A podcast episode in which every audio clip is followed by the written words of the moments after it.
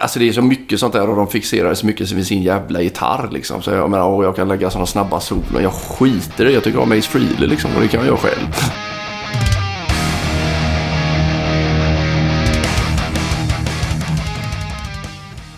Då knäpper vi upp säkerhetsbältet och släpper lös Snowy Shaw i Rockpoddens avsnitt 61. Varmt välkommen! Snowy Shaw är en av mina absoluta favorit hårdrockstrummisar, men han kan ju mycket mer än att trumma. Han spelar ju i princip alla instrument och han sjunger ju också och skriver låtar och är kreativ på ett sätt som eh, inte så många är faktiskt. Och trots att Snowy i princip bor granne med förra veckans gäst så är det här avsnittet inspelat hemma i mitt vardagsrum. Jag satt på en panna kaffe och sen så lät vi bandet rulla. En ohyggligt trevlig eftermiddag med både mycket skratt och mycket roliga samtalsämnen. Ja, och på tal om förra veckans avsnitt som gästades av Biffen Jansson så måste jag säga stort tack till alla er som hört av er. Det har varit alldeles fantastiskt bra respons på det avsnittet. Oerhört kul på alla sätt tycker jag. Tack ska ni ha. Men nu släpper vi loss dagens huvudperson. Det här är Rockpodden. Snowy Shaw är veckans gäst. Jag heter Henke Branneryd och jag önskar dig en god lyssning. Det är därför jag spelar allting och sådär för att jag, jag kan... Det Vill du sitta där? Eller, ja, det beror på. Här kan jag sitta om du passar bättre. Jo, men just att, att trummor, det är väl kanske det jag såklart jag är bäst på liksom eller sådär. Men det är ju ingenting jag lägger någon vikt vid. Jag, jag skit jag, jag bara kör liksom. Ja. ja. Och det är inte så här... Nu, nu satte jag, satte jag på det här. Okej. Okay. Nu kör vi bara. Okej. Okay. får vi se hur det blir. Ja. Ja, men ja, vi bäst... pratar om trummisar va? Ja, Nå. vi pratar om trummisar. Mm. Det, det är ju det som är största anledningen att du är här. Är det Snowy Shaw har jag bjudit hem på en kopp kaffe. Ja. En av mina absoluta favorittrummisar. Alltså det är smickrande men jag skiter ju ganska mycket i trummor faktiskt. Ja. Det är ju jävligt synd att du kastar bort din talang tänkte jag säga. Alltså jo men nu har jag haft, jag hade en 20-årig trummis här. Eh, mm. under några gig här. Mm. Och, och, han var helt fanatisk med, med trummor och sånt där. Mm. Och, eh, eller 21 kanske han var i alla fall. Men strunt samma. Eh, och han frågade varför har du tappat intresset? Nej, jag har inte tappat intresset. Jag har bara ersatt det med annat. Alltså, det är ungefär som att en kock som bara fixerar sig vid, vid pastan. Va? Jag är intresserad av helheten. liksom så här. Inte en del i det hela. Ja, men det finns ju köttkockar och fiskkockar. Liksom. men man, om man lagar maträtt, jag vet inte, men ja, det kanske var en dålig jämförelse i sådana fall. Alltså, jag är intresserad av hela ja. grejen. Liksom. Och just därför så spelar jag alla instrument och, och, och gör det själv. Liksom. Så att trummorna är bara en del i det hela. Det är ungefär som att, åh, saltet. Liksom. jo, men du är ju så sjukt bra på att lira trummor. Ja, tack, tack. Du skulle ju kunna lira... lira skulle nästan kunna spela Hammerfall. ja. ja, snudd på. Nej, Nej just, så ska jag inte säga. Det var skittaskigt. Men... det kom på tal där förresten, för Johan Kullberg, min polare, ja. som, som lirar med Therion ja. Han Eh, han fick sparken där för några, för, för, för några veckor sedan. Från Hammerfall? Ja, jo. Fick han? Ja, ja. Det har jag missat. Varför det? Eh, han var inte tillräckligt karismatisk. eller, eller tillräckligt vild. Han, han är befriad från ADHD och sånt och det är ju ingen bra egenskap om man ska vara trummis. Liksom. Nej, det kanske Allt inte. från eh, ja. Keith Moon till Animal till Tommy Lee till eh, och så vidare. Så. Men skulle du haka på Hammerfall om de ringde? Förlåt att jag öppnade den can of worms. Nej. Nej. Nej, men jo men i alla fall, då kom jag på tal och då sa Oskar att nej, det är nog ingen bra idé. För jag är så bestämd kanske, eller ja. besvärlig eller kompromisslös eller vad vet jag. Vi kanske kommer in på det där med din, din samarbetsförmåga. ja, men vi fastnar lite mer vid trummorna. Ja, okej. Okay. Mm. Eller alltså, det kliar inte i fingrarna att... Spela trummor? Eller vad menar du?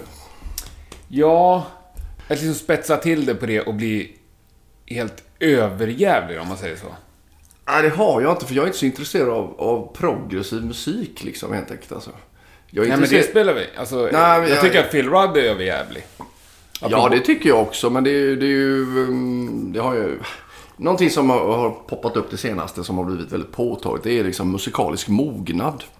Ja. Att veta sin plats i sammanhanget och så vidare. Så Vilket kanske var lite av en brist hos Ja, när man är för ung va. Jag har också varit 21. Mm. Och du vet, spelat över och mm. tittat mer till min egna prestation mm. snarare än i sammanhanget hålla på mattan. Liksom. Och det, det, är nog viktigt tycker jag. Och om inte jag ska göra det som en utmaning i sig, bara ur en trumsynvinkel. Mm då tycker jag inte att det är intressant. Liksom. Alltså, så jag, jag, är bara intresserad av att skapa låtar och spela och vad som passar dem. Jag vet att jag la upp något klipp. Folk verkar ha så konstigt förhållande till musik tycker jag. Jag la upp något klipp liksom, när jag livestreamar lite hemma. När jag uh, spelar trummor till en låt som jag håller på och, och spelar in nu. Uh. Och så var det några amerikaner som skrev till mig så här, I have some cool riffs for that drum ideas you had. Eh, ja, men det, det funkar inte så. så jag, jag lägger trummor till en låt som jag har gjort. Inte att jag bara börjar med trummor och sen får vi hitta på resten sen. Nej. Alltså det, man börjar inte bygga taket på ett hus heller. Liksom. Men han kanske vill ha en ingång för att få lira? Ja, ja, jo, men det, alltså det är så mycket sånt där och de fixerar så mycket vid sin jävla gitarr. Liksom. Ja. Så jag menar, jag kan lägga sådana snabba solon. Jag skiter i det. Jag tycker om Ace Frehley liksom. Ja. Och det kan jag göra själv. Ja, jag... jag är inte imponerad av sånt. Alltså. Det är och klart jag... att det kan vara... Be... Alltså det är mycket så jag kan vara imponerad av Yngve liksom, för vad han har presterat mer som, som person och så vidare. Och bryta sig loss och vara liksom helt eh, stilbildande och sådär. Va? Mm. Men i sig så är jag inte intresserad av, av sånt. Liksom. Nej. Han kör ju sitt race, absolut. All mm. respekt åt det. Men, men jag menar, just den här sportmentaliteten i, i rockmusik, den kräks jag på liksom. Ja, och det är väl ganska vanligt att man växer ifrån det. Så jo, säga. men det var för att återknyta till det då. Om antingen så växer man, fortsätter man det. Jag märker ju många människor, jag vet jag kommenterar något klipp som någon jättebra basist har lagt ut när Simon Phillips sitter och spelar någon slags sju elftedels takt eller vad mm. det kan vara för att det inte tillsammans med sådär ja. konstig musik. Jag sa, är det inte konstigt att ju bättre du blir på, på ditt instrument desto sämre musik gör? Vad hände med ACDC liksom? alltså jag gillar rock, bra ja. låtar liksom. Ja, och där är jag med på det. det den ja, men måste det bli så att allt är någon slags man ska tänja gränserna för vad man själv spelar på toppen av sin förmåga och så vidare. Så jag tycker att... Ja, men det är ju nästan en genre, tycker jag. En speciell genre. Av... Ja, ja, men jag är inte så imponerad av sånt där. Nej, för, för, har man väl bemästrat det, om du förstår mig. Mm. Alltså med Mentomori ansågs ju kanske vara lite progressivt, ja. eller King Diamond i sig också. Sånt där.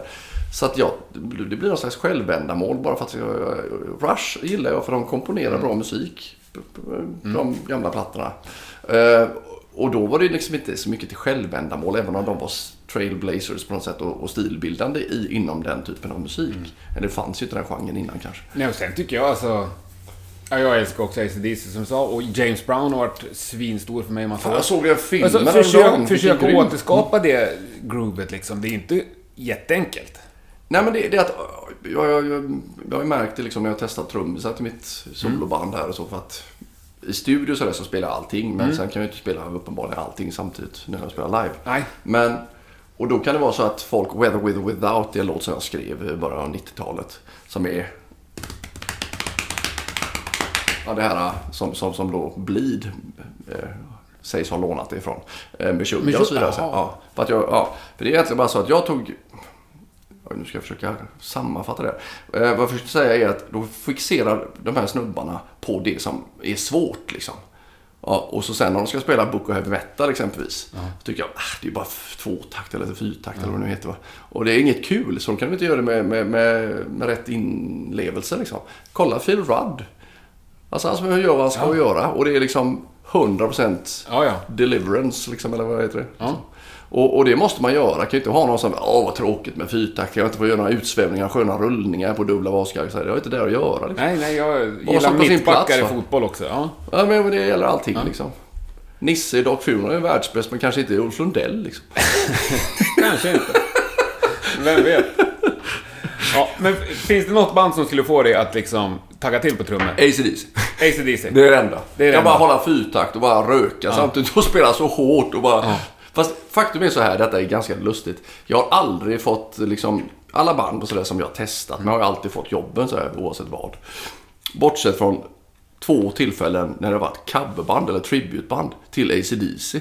För då, då kan du inte coola ner lite, måste du spela så hårt. Och så för jag blir så exalterad så jag slår sönder skiten.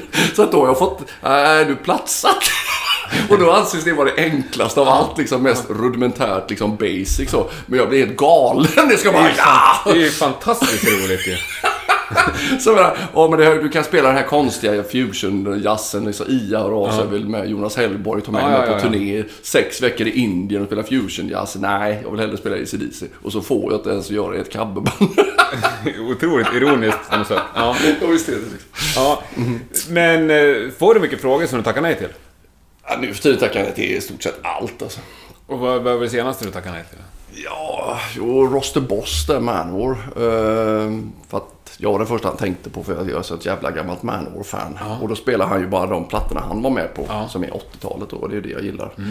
Eh, vilket jag gärna skulle ha gjort, men Rhino som är en fantastisk trummis som har varit med, som var med Manowar, här, han hade liksom klivit av där för att han skulle börja köra cementtruck i Florida istället. Så då insåg jag att det finns ju inte så mycket pengar att hämta här uppenbarligen. Så att, så att jag, jag, nog för att det hade varit kul, men jag, jag kan inte, jag har mina egna gig och jag kan liksom inte, vad ska man säga, jag måste avsätta tid för det för annars, och det är den tid som krävs för förberedelser och så, för det är ju bara jag som håller i allting i stort sett.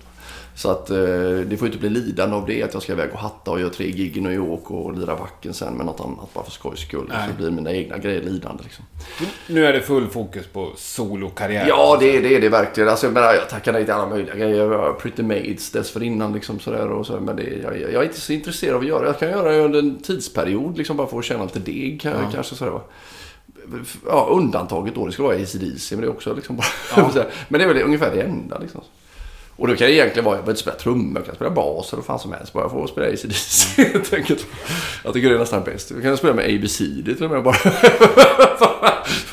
men i alla fall, mm, vad fan ska jag säga? Ja, jag har tappat tråden. Ja, nej men, nej, men solokarriären.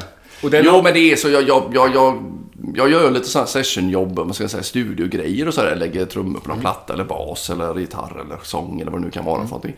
Alla möjliga sådana grejer gör jag nästan hela tiden. Eh, Dels för att jag tycker att det är kul, men också för att ja, få in lite extra flis. Sådär.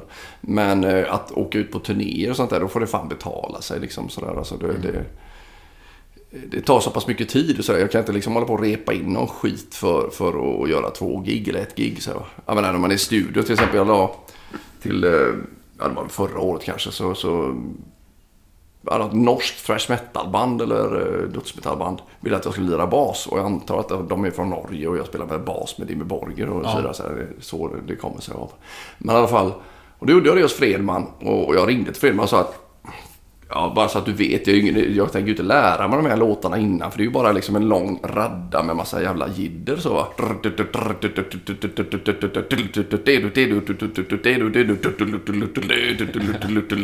Alltså det är bara en lång radda till skräp tycker jag. Så, ja. så att jag bara...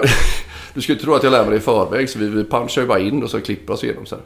Och det gjorde jag ju liksom, ja, fläckfritt hur snabbt som helst. Jag lär mig snabbt och sådär. Och det är tight och det är bra. Och, och, så och han sa, fan du är det, Fredman har ändå spelat in hur mycket band som helst. Liksom. Och han sa att, ja du är fan den bästa basist jag någonsin har spelat in och du är inte basist.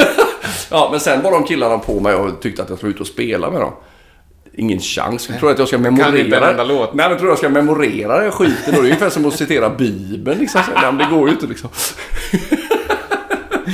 Men apropå Fredman, jag var ju nyss och träffade han. Och då snackade han om ett eh, lite annorlunda sessionjobb du hade gjort där. Med, Val- inte Val Kilmer, Nicolas Cages son. Ja, jo för fan. Jo. När du blev inhyrd som trummis och den avbetalda eh, studiomusiken fick sitta och titta på dig. Ja, det var så här, om jag minns det rätt. Alltså, han, han ringde mig. Jag var och handlade söndag kväll på Coop liksom, med min dåvarande flickvän. Och så, så ringer Fredman och, och frågar om jag kunde komma till studion dagen efter och coacha en trummis som han hade hållit på och spelat in en vecka med honom. Ja. Och han hade inte fått till någonting. Han var ganska ung och sådär. Men, eh, och då var det amerikanare. Jag sa så här, varför ska jag göra det liksom? Ja, ja nej, men han kan inte komma på någonting. Vi har inte satt någonting. Vi har hållit på en vecka här nu. Ehm, ja, okej, men eh, vad, vad får jag för det då? Liksom? Ja, var inte blygsam. Liksom, det är Nicolas Cages son som är här. Och då, vet de har med sig chaufförer och egna kockar och liksom managers. Och det är liksom hur mycket folk som helst. Så de har nog bra med deg sådär va. Ja, men säg att jag, jag ska ha sex om dagen för att coacha honom. Liksom. Mm. Och jobbar du vet 7 till 4 eller Ja. 9 till 5 eller vad det blir. Liksom. Ja visst, ja, men så kommer jag dit dagen efter och jag har ingen aning vad det var för någonting. Så, här, så sitter alla i kontrollrummet. Det är, liksom, det är Stian eller Chagras från Dimmerborg. Ja. vara producent och morsan är manager och det är hon är någon gammal skådis och så är det alla möjliga grejer. Och jag har aldrig hört låtarna så jag så att de... Ja, eh, så att de bara, man går in då och ja, ja, du kan göra så här eller så kan du göra si eller så. Så jag till honom och sådär. Och, och så spelar de in det. Ja, det låter ju svinbra. Okej. så, så, så de behöll ju de här grejerna. Så vi bara klippte oss igenom låtar jag aldrig hört om ja, från början till slut eller sådär. Och, ja, och, ja, så det blev att jag spelade på hela plattan. Liksom. Jaha, ja, det var inte riktigt samma story som han berättade, men Alltså. det lät ju... Det här var nästan ännu roligare. Ja. Jo, men sen om de håller på att dividera. Ja, maybe you should try that little splash there on the pre-chorus. Eller sådär, vet liksom. Ja, ja visst. Ja, take your time, så till dem. Liksom, Ni kan diskutera hur mycket ni vill där. Och ibland så när jag tyckte med det här, eh, sa ju Fredman, för han, har- han har ju ännu mindre filter än jag har mellan hjärnan och munnen. Så, där, så att han sa bara, ja, this stinks, eller vad han nu sa för någonting. Så, yeah, but just play the double, fastest double kick you can, and then it's gonna be cool.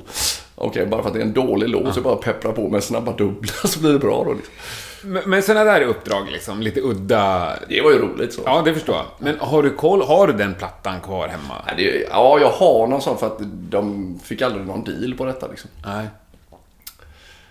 Det är lite så här rikemansbarn kan man säga. Så här. De hade varit hos någon Richards, vad han nu heter, någon sån här Jack Ri- Richards, någon sån här stor producent som har prod- proddat Alice Cooper och Aerosmith och sånt där i Hollywood då, eller i Los Angeles. Och de har spelat in hela plattan först. Men de tycker att nej, det höll inte, det var inget bra. Skyller de på honom. På producenten? ja. Ja, lite ljudtekniker Ja. så här. Och så åker de istället, tar de hela liksom eh, sitt en- entourage och åker till ja, Fredman i Göteborg på andra sidan jorden. Han har gjort Dimmy Borger och eh, vad fan det nu än är, allting liksom. Det låter bra, så vi åker dit istället så gör det. Ja, ja, jo visst, men han kan ju inte göra underverk. Nej, är det nej. dåliga låtar så spelar det ingen roll. Liksom. Och dåliga musiker kanske. Ja. Ja, visst. Nej, nej. Ja. Ja, men det var kul. Ja, men vi... Du filtrerade det sen va? Nej, vad skojar Jag kommer filtrera. Nej, jag skojar. Vi börjar lite från början. För mig var det ju svinstort. Och det här, jag tror... Jag kommer ihåg när du gick med i King Diamond. Var det 89, 90? 89. Efter, efter Conspiracy-plattan. Ja, det var ju innan gick jag ju med egentligen. För den skulle precis släppas då, så det är därför jag är med på Sleepless Night-videon och så här. Det var det första jag gjorde. Ja. För Mickey D hade ju slutat. De hade testat över 40 trummisar innan det. Och det funkar inte. Och det var ju liksom i Los Angeles som en någon smältdegel för eh, alla världens wannabes, eller hur man liksom, som sådär. Och så det var ju en massa kompetenta folk, men det var ingen som fixade upp det. Och så lilla jag från, från Göteborg fixade det. Men i alla fall, så då kom jag in där och eh, Micke hade de ju då anlitat som sessionkille för att göra den plattan för att de inte hittade någon trummis. Så att han gick in och gjorde det. Men då var det ju jag, så han är inte med på omslaget eller någonting sånt där. Utan då klev jag in där och så tog jag över. Och därför gjorde jag ju den världsturnén då, Conspiracy-turnén. liksom. Men vad hade du gjort innan där? Det har jag ingen koll på. Som ändå fick jobbet med King Diamond, så att säga. Vad jag hade gjort, jag har ju, det var ju så här alltså, att jag, jag har alltid velat göra mitt eget band från, från när jag startade liksom när man var 12-13 år och kom på att jag ska göra ett eget band och sådär. Då var jag driv, mm, initiativtagande och pådrivande och så vidare. Så här. Eh, och valde att spela trummor, vilket jag eh, vid vissa tillfällen har ångrat kanske, eller man nu ska säga, för att det är svårt att vara trummis och ledande i ett band. Liksom. Man Ja. hittar aldrig sångare exempelvis. Liksom. Och det är inte liksom fullt naturligt att spela trummor och sjunga heller. Inte för att jag kunde det heller, men, men, jag, men som sagt, så att många av de här planerna jag hade med att starta mina band, för jag hade världens bästa, coolaste koncept, uppväxt med Kiss och Manor och vad som helst, och det ska vara jävligt häftigt. Och ett koncept liksom sådär, och, och, så, och jag skrev låtar och bla bla bla. Men i alla fall, så jag ville ju aldrig haka på andra band när jag fick massa erbjudanden, för jag tyckte det var när jag var, var 14-15 år då hakade jag på allt möjligt sådär och spelade med allt, allt och alla. Men det blev ju aldrig någonting speciellt utav det liksom. Eh, Eh, Men jag vill ju göra mina egna prylar. Men det är jävligt svårt när man omger sig med massa slacker som bara vill supa och knulla helt enkelt. Liksom. Och, och ingen som är seriös, ingen som dyker upp i tid. Alla är dysfunktionella idioter som inte fixar upp någonting. Nu fick jag ju visso, förvisso i samma veva där kicken från mitt ja, 12 jobb inom loppet av två år. Så jag var inte så jävla seriös på det hållet. Men jag var ju jävligt driftig när det kom till det jag ville göra. så. Men i alla fall så att, så att jag menar, Micke D dök på mig juldagen 88 då jag var hemma. För då bodde jag i Bollnäs och han bodde i Los Angeles. Så dök han på mig och sa att han kommer sluta King Diamond här. Och han tyckte jag skulle ta jobbet. Men jag trodde det var fyllesnack och jag sa äh, jag ska göra mitt eget band tyckte jag. Så sket jag i det. Men så låg Pete Black på, gitarristen som då lirade med King. Mm. Och, och, han hade liksom haft ett gott öga till mig och ville att jag skulle vara med i hans gamla band Geisha och sånt där. Och så här. Men då tyckte han att ja, du ska haka på King här för vi har testat 40 trummisar och över det. Och vi hittar ingen som funkar. Och så, så fick jag det jobbet. För då, när han frågade för andra gången. Då tänkte jag att ja, det, det är ju ämnat att ske detta. Liksom. Mm. Dels så älskar jag Merciful Fate och, och, och, King och sådär. Men jag ville som sagt göra min egen skit. Va? Men eh, jag insåg ju också när, när, medan jag hade varit ett år i Bollnäs, där jag gick på en folkhögskola liksom, som jag inte riktigt var, visste vad jag gav mig in på, men i förhoppningen att det skulle, jag skulle lära mig någonting. Men då insåg jag att när jag kom tillbaka till Göteborg så, här, så det var ju inte så att jag blivit bättre, det här pu pudelrocksdyngan som eh, hägrade på slutet av 80-talet. Liksom. Ja. Utan folk var ännu mera fluffiga i håret och, och ville bara parta och knulla. Liksom, så. Ja. så. jag insåg att nej, jag får nog flytta härifrån. Vet. Så tänkte jag i något svagt ögonblick att ska jag inte ta mig till MIT liksom, eller Pitt eller vad det ja. hette, liksom, som så många andra gjorde. Men det var inte min grej. Jag har skolor och sånt där funkar inte för mig. Jag har svårt att göra som folk säger åt mig. Liksom. Mm. och sådär. Men i alla fall, så då, då, kom ju den öppningen med King där. Och tänkte jag, men det är ju fantastiskt. Och då, lära mig hantverket och skapa mig ett namn och ja, få massa erfarenheter och, och så vidare. Så. Men, och det borde ha blivit en ganska drastisk förändring i ditt liv? Alltså det var helt enormt egentligen. Från en dag till en annan. Jag vet att jag fyllde 21 eh, samma vecka och sådär. Och jag, fick inte säga någonting till mina polare när vi hade Nej. fest och. Och så flög vi över till Los Angeles. Och allting var liksom...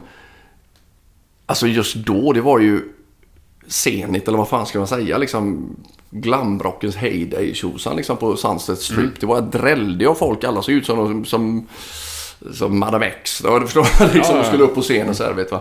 Och allting hände ju då. Från en dag till en annan. Jag spelade en video. Så liksom de här sminköserna liksom, som bara fixade håret. Bara, de bara Woo! Vad tyckte man var tjusig. Och liksom, så man var bara en jävla nobody liksom, från hissingen och, och, och allting hände på en dag. Över en natt. Det var liksom svårt att ta in nästan. Mm.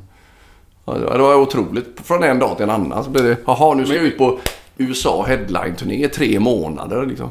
Men kunde du hantera det? Ja, jag var ju så pass mycket yngre än de andra och så vidare och, och jävligt grön och sådär. Och jag hade liksom inte tagit det stegvis. Jag hade inte, mitt första gig som jag gjorde med King, då var det jordbävning samtidigt där va. Så att vi var tvungna att cancella det första giget i Los Angeles, eller om det var Anaheim utanför Los Angeles. Och åka då någon dag senare upp till Oakland utanför San Francisco där. Och eh, som sagt, jag hade ju ingen tidigare erfarenhet. Jag spelade fritidsgårdar tidigare eh, om åren och sådär. Och då mitt första gig var ju, ja, då ska vi lira det hela den här conspiracy-grejen. Det är två timmar, en kvart gigget tror jag liksom. Eller vad. Och, och jag börjar med Welcome Home och sådär. Och, och, det är jävligt laddat och det är jordbävning fortfarande efter skalv och sådana här saker liksom. Och jag ska upp på scenen där och det är inget sån här pep-talk att man känner att man enar. De andra bara drack någon bärs och bara... Så gick så här. Och jag kände, men fan jag ska göra mitt första gig. Jag måste ju göra rätt liksom. Detta är första gig på tre månader. Eller på hela den här turnén. I alla fall så... Så jag vet att jag stod där i kulisserna och hörde Omen, det här äh, från filmen som vi hade ja. som intro. Det var helt laddat så här. Och, och tänkte, fixar jag upp detta eller är jag bara en liten fitta från, från hissingen liksom? Ja. Men i alla fall så jag tänkte på Joe DiMaggio. så Death to false metal. Ja. Fuck you, jag fixar det här. I alla fall. Och när jag kom upp på scenen så står ju, eftersom vi är i Oakland, alltså Bay Area. Ja. Då är ju liksom alla i Metallica och Megadeth och liksom Testament och Las Rocket eller vad fan de nu hette. Alla de står på sidorna för att kolla in bandet och ja, den nya trummisen ja. som har efterträtt den oefterträdbara Micke Di på sätt. Så, så att det var lite pressat liksom. Hårt första gig. ja, ja, men vadå, du måste ju ha spelat på någonting större än fritidsgårdar innan dess? Nej. Inget? Nej. Men hur kan de haft ett gott öga till dig då som du sa? Eller Pete Black det? Ja, men de är ju från Göteborg liksom. Så, så, så, så, så de... ja, men som snubbe då bara? Att du är en skön? Nej, nej men de, jo men jag har väl gjort, du vet snacket går ju liksom. De har väl ja. sett mig spela liksom. Så det, jag har inte fan liksom.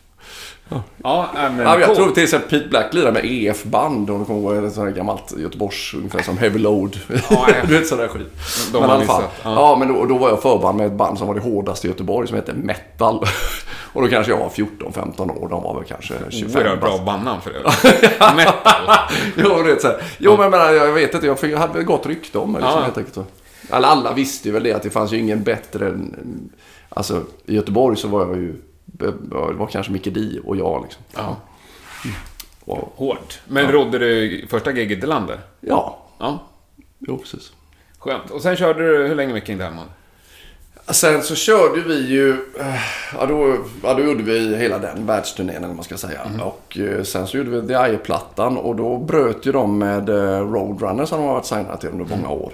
Och, och då i väntan på, han ville inte förnya kontraktet, de hade väl siktet högt ställt på att liksom, nu ska vi signa major-bolag och sånt där. Och det blev ju inte riktigt så, utan så därför hände ingenting där på ett tag. Och vi gjorde väl ett gig, ett sånt där eh, utomhusfestival Ja. i Köpenhamn. Och sen hände ingenting. eh, Så då blev det ju så här att liksom folk började så småningom komma på eh, att de skulle göra lite sidoprojekt och sådär. Angela Rock började med sina, sina grejer. Jag skulle varit med och skrivit texter och trummat där. Och Charlie som jag tog med. Ja, Pete Black slutade och Hal Patino så jag tog ju in Mike Weed och, och Charlie D'Angelo liksom, som var min eh, bästa polare. Liksom, så här. och, eh, I alla fall. Eh, ja, så det blev lite så här Memento Mori gjorde vi där och så... så det ena med det andra. Alltså det hände ingenting för förrän King ringer och säger att vi har fått förfrågningar om Merciful Fate Reunion. Och då vill han att eh, ja, han, då ska det vara originalsättning bortsett från Kim Russ som de inte vill ha med att göra. Men då var ju jag liksom kunde ta det jobbet för att jag ingick ju ändå i familjen om man så Ja. säger. Liksom. Så då blev det Merciful Fate där istället från, och nu hände inte detta efter att han hade ringt, det var väl kanske 90, ja, jag vet, 92 eller vad fan som helst. Liksom. Utan, alltså det blev först lite senare helt enkelt. Eh, ja, då Merciful Fate återförenas 93 helt enkelt. Ja, och sen då blev det väl så här att när vi hade gjort Time-plattan, den andra Merciful Fate Reunion-plattan, Reunion-plattan. Eh, och då skulle vi, då spelade vi in den i Dallas, i Fort Worth. Och, eh, och då låg vi på Metal Blade. Och eh, King Diamond som då inte hade fått någon deal under dessa år. Hade då signat med Metal Blade. Och skulle in och spela in Spiders Lullaby. Som vi skulle gjort då. Eh, som vi hade väntat på i flera år och vi hade liksom förberett oss och så vidare. Men då, då, när vi var klara med time-inspelningen så kallade King på, på mig och Charlie och liksom ville att vi skulle ha ett snack. Och då sa han att skivbolaget har sagt att då skulle vi egentligen in veckan eller två veckor senare och spela in Spiders Lullaby i samma studio på samma skivbolag med samma ljudtekniker, producent. Ja, av det tre av fem skulle varit samma i båda banden. Så det hade inte fungerat. Så att han sa att vi kommer... Nu har det redan gjort Emeralds of Fate så nu kan det inte vara med i King utan jag kommer ta in andra människor. Liksom. Okej. Så det var så det blev. Så det var inte direkt att man fick kicken om man så säger. Utan det var väl att man byttes ut på det sättet. Ja, ja. Vilket jag har full förståelse för. Ja. Liksom. Det är så ganska snarlikt ändå, liksom King Diamond och Merciful Fate. Så länge King sjunger på det så kan det vara vad fan som Så, helst. ja, det, han är o, svår att... Oefterhärmlig. Ja, det kan man säga. Det är ett bra ord. Eh, ja, just men du är barndomspolare med Charlie Daniel då? Ja, Ja. Det är en av mina senaste upptäckter faktiskt. Eh, vad heter det? Han spelar ju så sjukt bra bas. Night Flight Orchestra. jag, jag har inte lyssnat på det där, Åh. men vi... Alltså vi Den senaste plattan, han lirar så jäkla bra.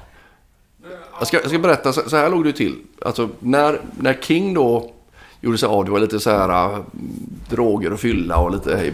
Ja, fan. Mm. Eh, det blev lite stökigt. Man har varit ute på ett turné ett tag och blev lite... Eh, vad heter det? Friction liksom i, i, i orkestern och sånt där. Då slutade Hal Patino och Pete Black. Eller om de nu fick gå. Jag vet, vet inte riktigt hur det var det. Ja, så då skulle vi hitta ersättare till detta medan de letade skivkontrakt helt enkelt.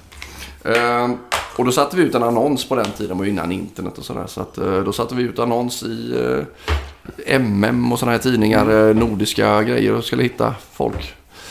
Istället för att bara gå på snacka med polare och folk med gott rykte och så vidare. Så.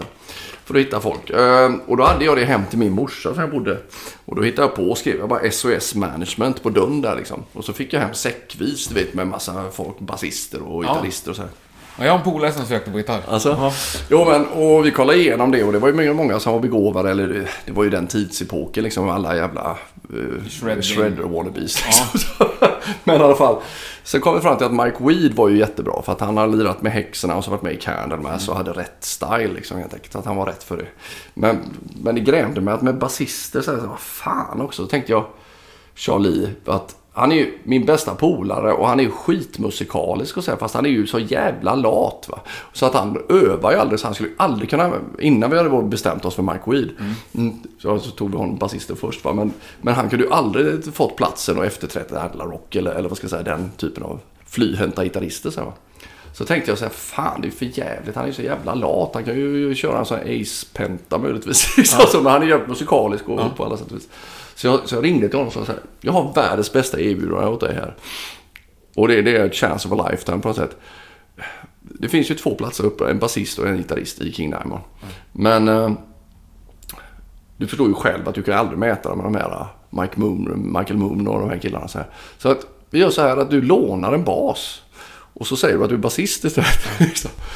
och, och ja, och han var inte, han är inte dum i huvudet på något sätt. Så att uh, han sa, ja, okej, okay, ja, men då kör vi på det. Och så då lånade han en bas och han fick ju jobbet direkt såklart. Det är ju grymt. Sen har det fortsatt. ja, ja, ja, men sen, sen gick jag ju hem då. Så det har ju gått bra för han som basist kan man ja, säga. Ja, då ja. tog jag den där säcken med alla de där som kan utgöra något hot. Där jag har en duktig basist och slängde liksom. Det är fan en bra polare som gör så. Ja, ja. ja. Jo, men sen, detta var ju då i King Diamond då va. Mm. Och, och sen hände ju ingenting på några år där. Och sen var ju när de återförenades, då var det originalsättning Merciful Fate bortsett från mig då. Som var ingick i King-familjen så att säga. Eh, efter vi hade gjort ett par gig så slutade ju Timmy Hansen där och då skulle vi ha någon snubbe från Chicago som lirade med uh, Trouble heter han väl va? Mm. Ja. Kan man heta. Ja, och då insisterade de på det och jag bara vägrade. Nej, liksom. Vi ska ta Charlie, sa Dels för att han förtjänar det, tycker jag. Liksom så. Och dels för att jag behövde en, en polare i bandet. De andra är så pass mycket äldre och pratar danska. Jag fattar inte danska. så, att, så då insisterade jag på det och så då fick jag jobbet där istället. Liksom. Mm. Underbart. Mm. Ja, men ja, ja, nej, vi ska inte fasta på han. Det är det vi ska prata om. Ja, men efter King Diamond. Memento ja. Mori, nej, det blev ungefär... Det hann ni dra igång alltså, innan. Egentligen när jag tittar på det så här, alltså jag har ju under ett antal års tid skrivit självbiografier liksom egentligen i någon slags eh, terapisyfte. Det har jag hört något om, ja. Ja, jo men jag är 49. Jag började någon gång efter jag var 40 och liksom istället för att ta livet av mig så började jag skriva. Ja. För jag kände att jag är en loser helt enkelt. Jag blev inte Kiss, jag är bara kvar på hissingen. Ja, du vet så. Skitsamma. Men i alla fall. Um, och då har jag tänkt på det att, att jag har jobbat parallellt med minst tre band liksom. Uh, hela tiden sådär, ja. så det blir väldigt splittrat kan man ju lugnt säga. Så att man håller på med Illwill och Memento Mori och for Fate och mm. mitt egna band The Shaman, liksom en schaman-grejen där och allt möjligt samtidigt liksom. Så det blir, ja det har varit ganska tre band ungefär samtidigt parallellt. Då. Så att det blir eh, ja, lite splittrat kanske. Mm. mm. Och därför framstår jag lite splittrad för att det är lite rörigt i skallen. Liksom. Mm. mm. Men eh, hade du velat att det bara var en grej som du du kan lägga allt på det här? Eller har du behov av att ha flera? Jag tror att jag har ett behov av att till exempel Memento Mori och Illwill. Det mm. var ju liksom raka motpoler. För Illwill var ju någon slags förlaga. Alltså det var ju någon slags industrimetal.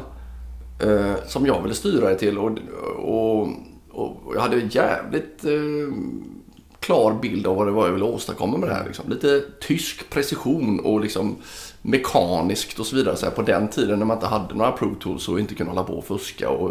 och... Ja, man var tvungen att lira. Ja, man var tvungen att lira ja. på det sättet. Så, så att jag menar, det kanske var liksom Kraftwerk och Ultravox och, och Accept som var influenserna och Laibach och sådär. Vet vad jag och detta var ju innan Rammstein och sånt där. Det var också, så många av de här idéerna som jag hade har ju förverkligats senare med Marilyn Manson exempelvis, eller Rammstein eller, eller ja då Bleed låten så här 18 år senare vad som helst liksom, som fick så mycket uppmärksamhet. Mm. Men tyvärr så, så jag tror att detta var i ofas med tiden. För att jag menar, jag har alltid velat jag har lagt så stor betoning på, eller eh, vikt vid originaliteten, att det ska vara någon slags banbrytande, något sånt nytt på mm. något sätt. Men ofta så hamnar det ju helt fel i tiden då, på något sätt, för att folk är inte mottagliga för det förrän tio år efter. Nu kommer folk, fy fan vad Notre Dame var grymt, det var det bästa du har gjort. Synd att du inte sa det då när jag höll på. Liksom, ja, det är surt. Jo, nej, men vad jag vill säga med det är att Illwill var ju, hade ju en inriktning. Jag tycker det är jävligt bra att ha ett fokus eller liksom en, en direction på något sätt. Mm. Så här. Medan Memento Mori var ju mera pompöst eller svulstigt på något mm. sätt. Och en annan inriktning. Så, så jag tycker att det är ungefär som... Eh, vad fan ska man säga? Man behöver den typen av variation tycker jag skulle jag bara göra en grej så kan jag göra det i ett år. Sen är jag skittrött på det. Då måste jag börja spela disco istället. Liksom. Ja, men så.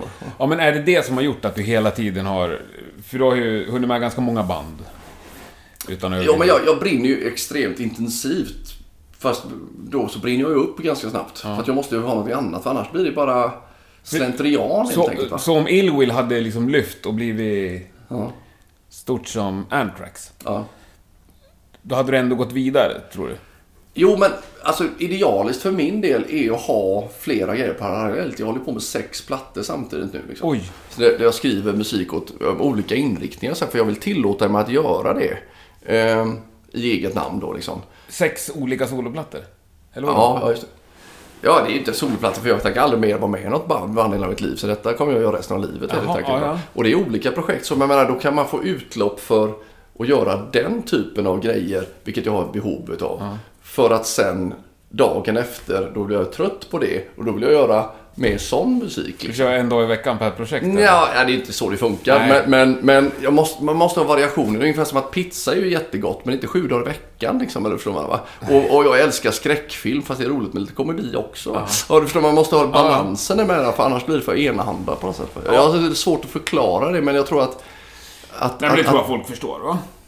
Ja, jag kan inte ens for, formulera det för mig själv på ett vettigt vis så att folk förstår. Men jag, jag behöver den typen av variation, för annars så blir det för blir jag för trött på det helt enkelt. Liksom. Jag, till exempel jag höll på med band som heter Triple X som var någon slags 70-tals glam glitterrock. Samtidigt som Therion. Och det är ju liksom raka motpoler liksom. Och då kan man få göra ett sånt T-Rex sweet eh, musik sådär. Och så sen kan man Rasa fatet och står där med kråsskjorta. Ja, så att, bra blandning sådär. Men lugn nu, vi måste... Ja, titta. Vad händer? tror jag ringt under Alltså. senaste, sju avsnitten spelade in. Ring aldrig Mm. annars. Eh, Jo men sex soloprojekt, det där lär vi ju höra lite mer om.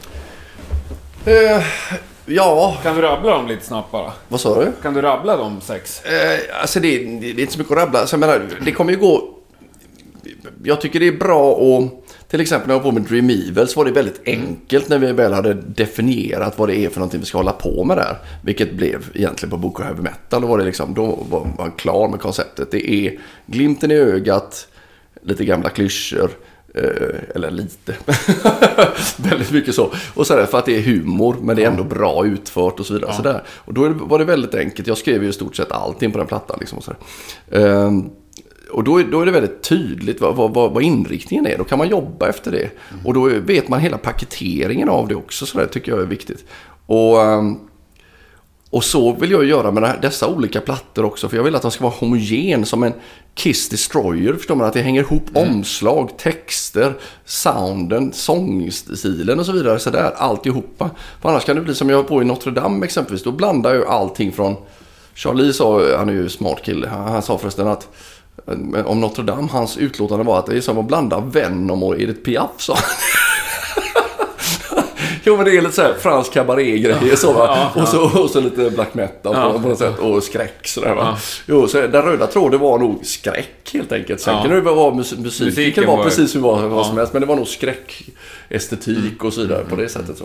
Men för min del så jag, jag ser det visuellt sett också liksom på något sätt. Alltså, det måste paketeras helheten där. Så därför gör jag ju omslagen och videorna och, och allting själv. Liksom, sådär, va? För det är så svårt att få någon annan att göra det. Men i alla fall, för dessa sex olika projekt då vill jag ju liksom, wow, jag vill grotta ner mig ordentligt i den inriktningen på det sättet. Och så vill jag göra sånt som är lite mera sleaze-rock helt enkelt. Eller, eller sleaze-rock, det låter väl fel med lite skramligare punkpryl på något sätt. Så här. Och tillåta att göra det.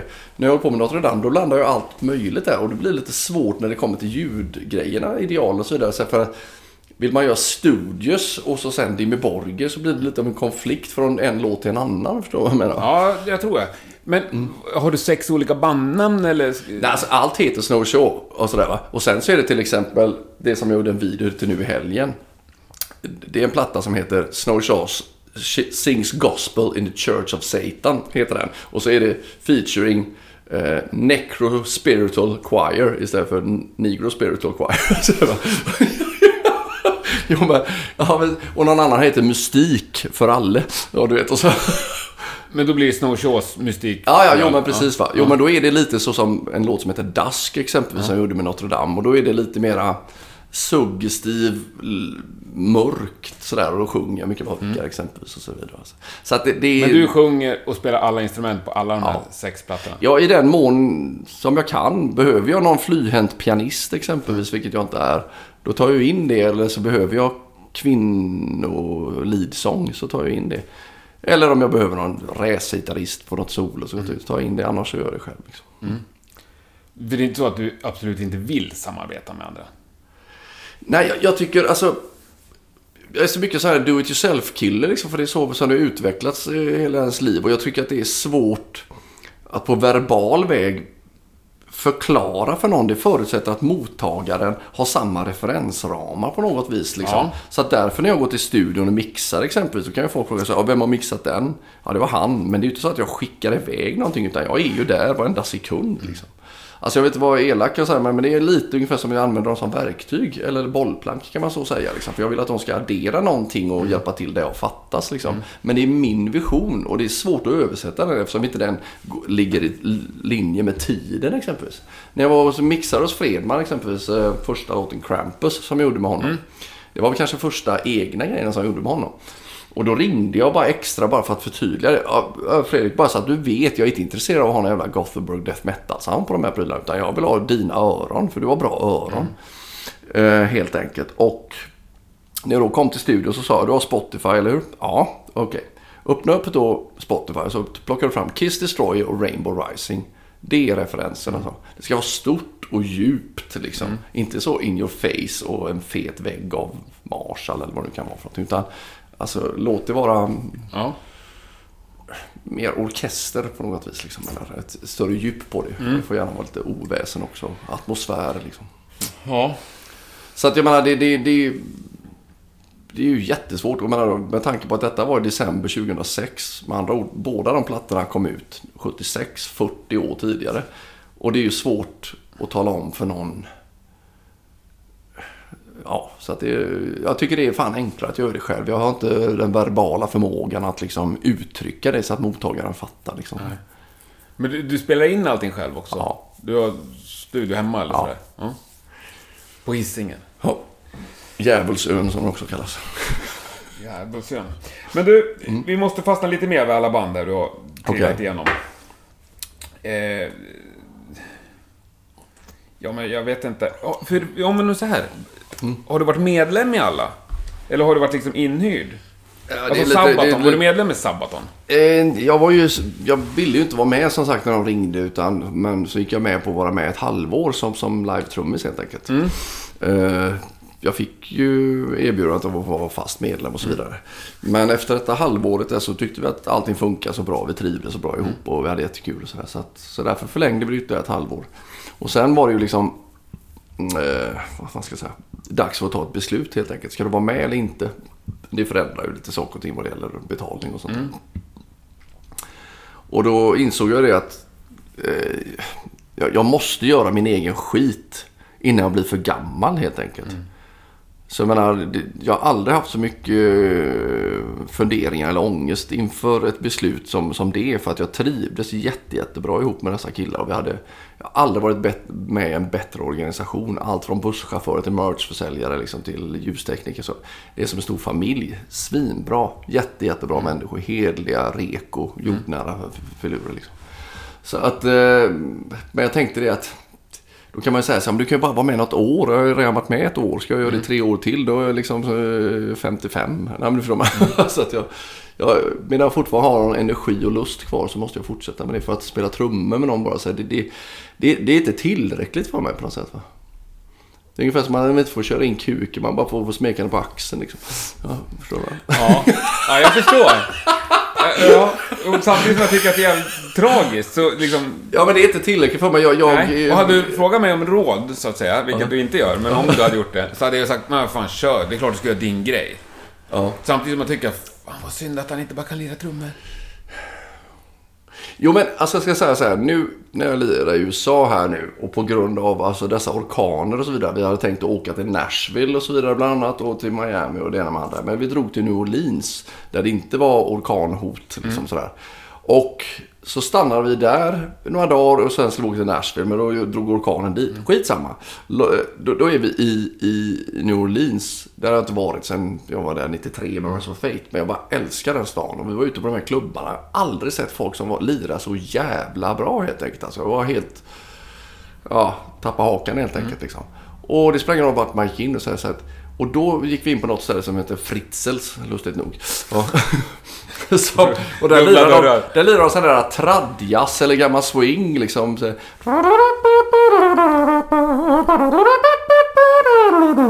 Och det var så fantastiska musiker. Jag tänkte, det här vill jag göra. Det är som Buddy Rich liksom. Så här, och spela sådana swing-grejer. För hårdrockstrummor tycker jag är så jävla stolpigt. Alltså det är inte allting kanske. Men det är inget kul. Jag vill jamma. Men kan jamma du kör sånt lite Buddy Rich då? Jo, jo, men det är det jag vill. Ska jag spela trummor så, så, måste, så, så vill jag bara jamma. jag Kunde tycker du sitta- jamma är det roligaste som Kunde du inte finns. sitta in på något ställe i New Orleans då? Ja, jo, jo, jag ska åka dit och göra det. Alltså. Jag ska flytta dit för fan. Klart du ska. Ja, du vet, och ha mitt eget som... Ja, vet. Ja, men det tycker jag är på riktigt. Det händer en gång var tionde år att man får jamma med folk. Alltså, det, i, i min värld så... Charlie och jag, vi, vi hade ju lirat ihop när vi var yngre så här, i alla möjliga konstellationer. Och han är ju skitmusikalisk och snabb att hänga på och flexibel. Så alla är ju inte det. Du kan vara så fan ska vi dra ner och jamma eller kör vi Live After Midnight och sen Paranoid. Ja, men vad menar du liksom? Det är väl inte att jamma, det är ju att spela de jävla låtarna så som de är. Alltså att jamma på riktigt, då är det man spelar i två timmar utan stopp, vad som helst. Ja. Det var liksom Villa Villekulla där och det var liksom... Ja, vad fan vet Ja, jag. lite mer liksom, friforms- Hooked on feeling liksom. Ja, men Ja. vad fan som helst liksom. För att man är flexibel och lyhörd och, och observant på det sättet. Det tycker jag är det... Alltså jag tycker det är så tråkigt annars. Jag älskar att skriva musik sådär, men att spela ihop, det har jag inget ut utav. Det är lite som att så... Ska vi knulla? Ja, det kan vi göra, men då har vi ett schema här. Vi börjar så och, så, och sen hostar du mig i ljumsken och sen är det klart. Nej, men, Ja, jag alltså, jag tycker det är för uppstyltat sådär. Jag vill jamma för fan. Och det kan man ju kanske göra med en sån musikform. Jag vill att, skulle jag sätta upp ett riktigt band där man spelar ihop. Då ska det vara som The Purple 1970, annars kan det kvitta liksom. Alltså, Så du, du har ingen strävan efter liksom att sätta ihop ja, men dina solgrejer och sen sätta ihop det bra Alltså, jag band jag kring vill det och göra en jävligt bra spelning liksom med stora svulstiga konserter sådär.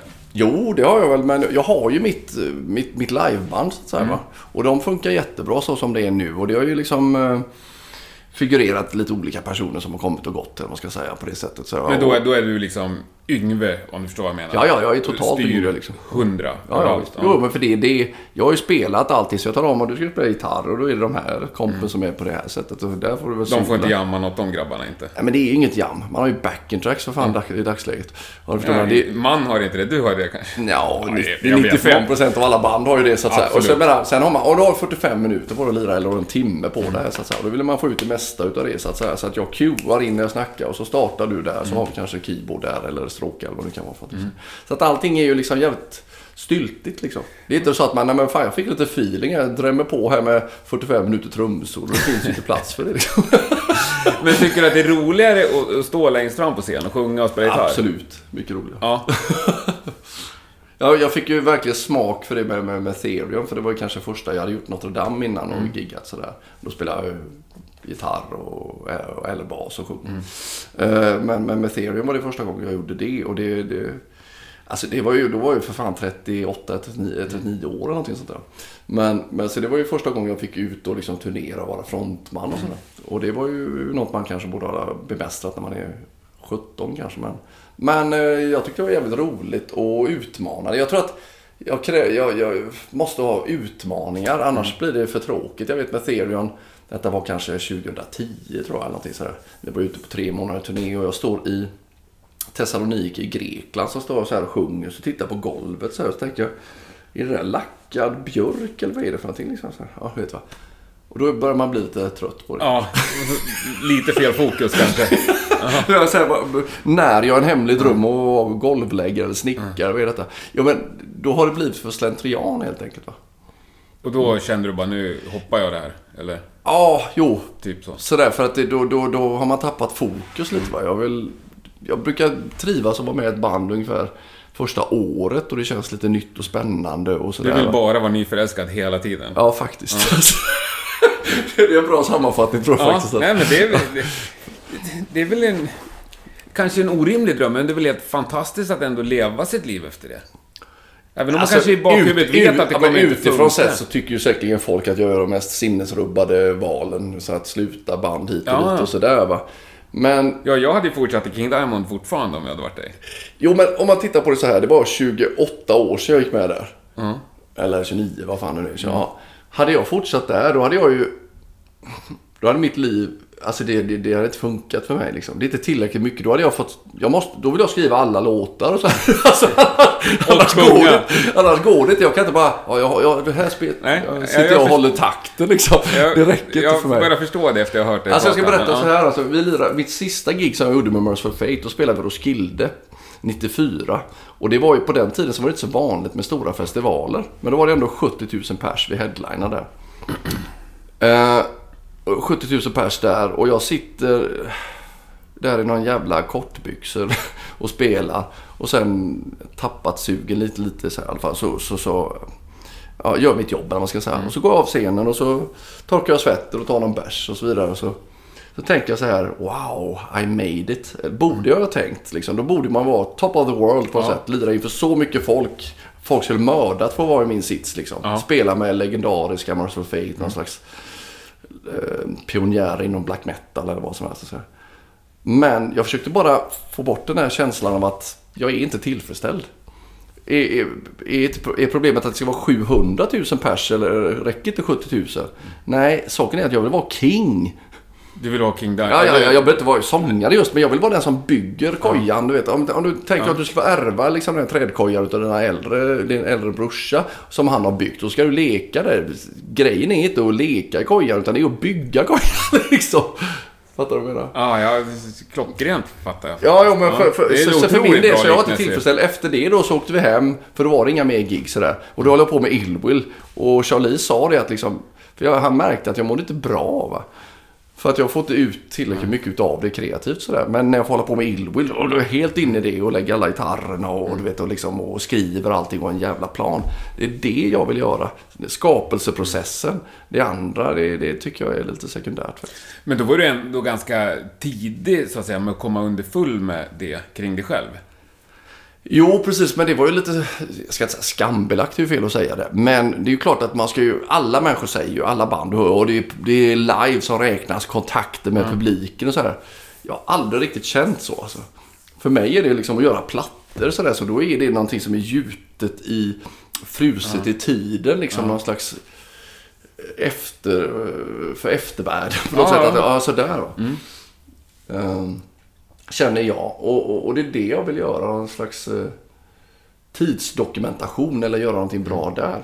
Sen live är ju en reproduktion bara av samma sak. Alltså det är ju en annan pryl egentligen. Som mm. var med i studio och var med live är två vitt skilda saker kanske nästan. Men, men, ja, nej, men så, så, det är det jag känner liksom. Det, är- ja, Men nu när du väl lirar live då, så, du hade ju någon solgrej i Göteborg för några veckor sedan. ja.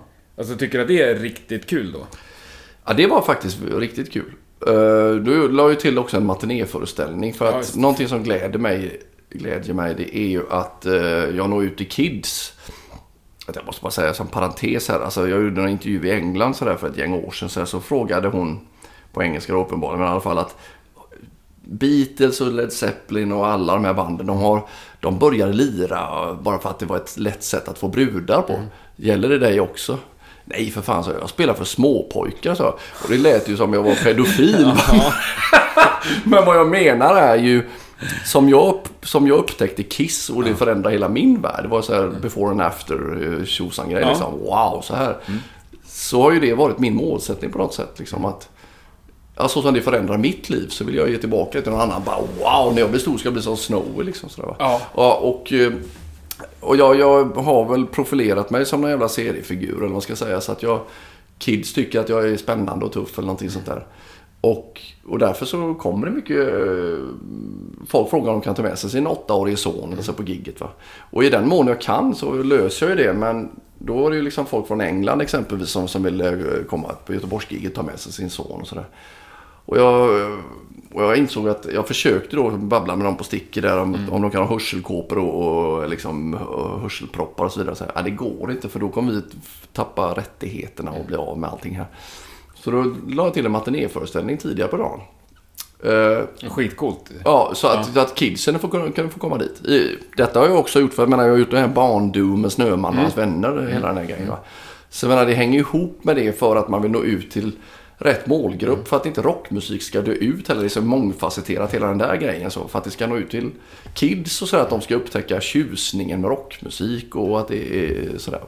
Bra. Ja, alltså det är så Nej, men det är jävla bra att de tar den. Så- Du och jag sitter där, plus 40 båda två, långhåriga. Och jag kan väl inte säga att Kiss kanske var det första för mig, men de flesta av våra gelikar, så att säga, Ja. det är ju liksom Kiss. Och Ja, sen är det lite AC/DC och Judas Priest och Det Iron beror ju på vilken generation man är. Det kanske är Metallica för någon annan som är yngre. Jo, men liksom. det här som du berättade om Kiss, första gången man såg det var man såg ett skivomslag, så det, liksom, det finns ju hur många som helst som säger så. Jo, men det är... det- Vi, Det finns inga vi, barn nu som säger så om någonting som har getts ut i år, så att säga. Nej, det kan ju... När man nämner detta kan någon säga men Kiss tror jag är fortfarande barn. Jo, men det är bara för att de också profilerat sig som seriefigurer. När jag växte upp, när jag var liten, 70-talet, tänkte jag ett grått Sverige liksom, eller... på 70-talet så, här. så kommer Kiss som är som en annan planet. Och så å andra sidan var det Scooby-Doo. Och så gjorde de en film ihop med det nu. Men i vilket fall som helst, det, det var ju... Förändrar ju så jävla mycket. Så vill man ju bli liksom helt enkelt. Och jag tror inte att det är rockmusiken idag har samma impact. Det funkar på barn, Kiss också när, när de är här, att det kommer mycket små, småttingar. Men det är ju bara för att det hade ju inte varit om Gina tagit av sig sminket exempelvis och han står där med sin konstiga frisyr liksom. Wow, jag vill bli som han när jag blir stor. Nej, det vill du absolut inte. Men om du har The Demon. Jag menar, när de profilerar sig som de med sina rustningar och, och sminket och tungan och hela den här skiten. Det vill man ju bli liksom. Det är ju attra- attraktivt. Men det är ju nästan som Cirkus Scott för fan liksom. Ja. Det är ju liksom Men- inte men- så här men- att det är Kiss utan det är de här personerna. Ja. Så som de är som seriefigurer, ikoniska på något sätt. Så här. Alltså det är han med tungan, de vet inte vem Gene är, det skiter väl de. Men det jag kan tycka är lite tragiskt, nej, men det som jag har svårt att veta vad jag ska tycka om, det är att barnen som är på Kiss nu, eller på AC/DC eller Maiden, de är ju där med deras farsor. Och farsorna älskar samma band. När du lyssnar på Kiss, Ja. eller många i vår ålder, så liksom förfasades våra föräldrar över det. Jag vet Alltså att jag, jag tror att det är en stor del i det hela också. Alltså det handlar om att som, som barn eller som tonåring så ska man ju bryta sig loss Mm. från sina föräldrar. Och då ska man ju lyssna på något som är värre eller Mm. lite brutalare. För att föräldrarna ska säga åh vilket skrän och dunka dunka. Mm. Det är det som är hela poängen liksom. Så att man måste tänja gränserna liksom. Om morsan växer upp med Black Sabbath då måste man ju lyssna på Morbid Angel Ja. för att de är lite värre.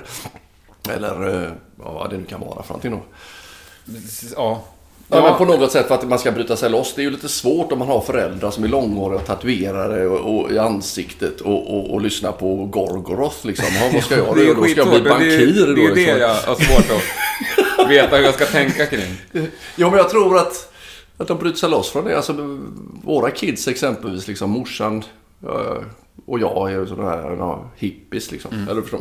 Och så, så vad ska de göra? De blir liksom propra skate... eh, Nej, jag vet inte vad va, men... men ja, det är ingen idé att de försöker överträffa det. Nej, och det är någonstans där jag känner så här, vad, vad, vad, kommer? Hur kommer rocken överleva? Alltså jag är fan orolig liksom. Så här, folk har dissat eh, alla de människorna som har sagt detta. Från Gene till eh, Yngwie Malmsteen eller vad det nu kan vara för någonting. Och det de menar är ju inte att rockmusiken i sig är död. men- Men att industrin är död helt enkelt. Att det finns inte, det säljs ju inga skivor och konsumtion, man konsumerar på ett helt annat sätt. Ja, jag vet när jag spenderade mina surt förvärvade 35 kronor eller vad det var när jag var liten på att köpa en skiva. Tyckte jag att den var bra i första lyssningen, då lyssnade jag 35 gånger till så kanske den växte liksom helt enkelt. I dagsläget hur jag konsumerar musik, om jag kollar något band på Spotify, för det är väl uteslutande där Ja. jag konsumerar musik.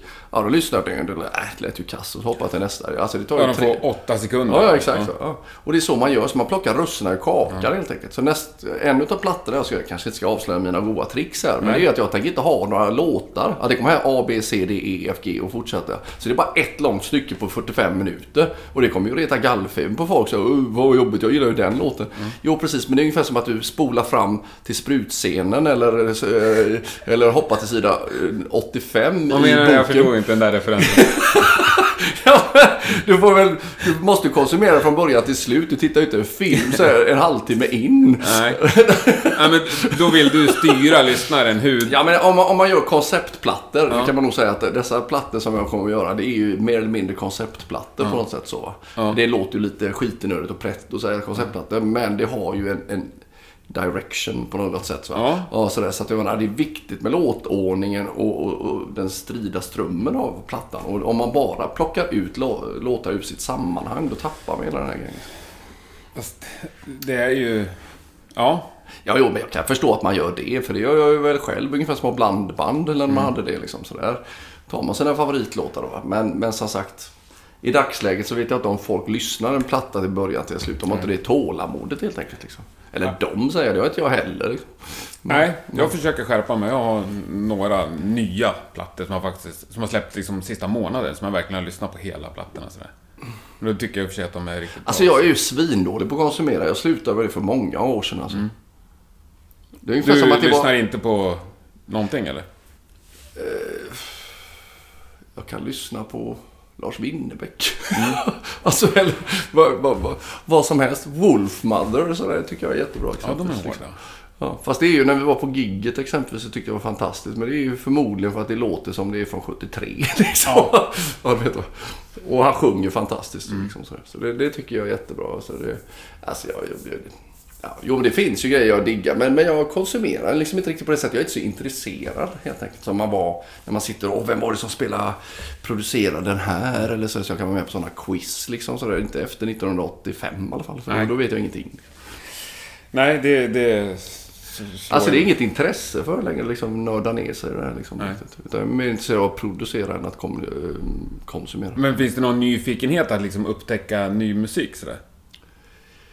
Eh, Det finns det väl i, i viss mån men, men eh, det är ju sällan hårdrock om man säger så. Alltså. Tycker jag. Alltså jag gillar väl egentligen bra låtar på vad det, rätt överlag vad jag tycker jag. Och då kan det ju vara vad fan som helst. Liksom.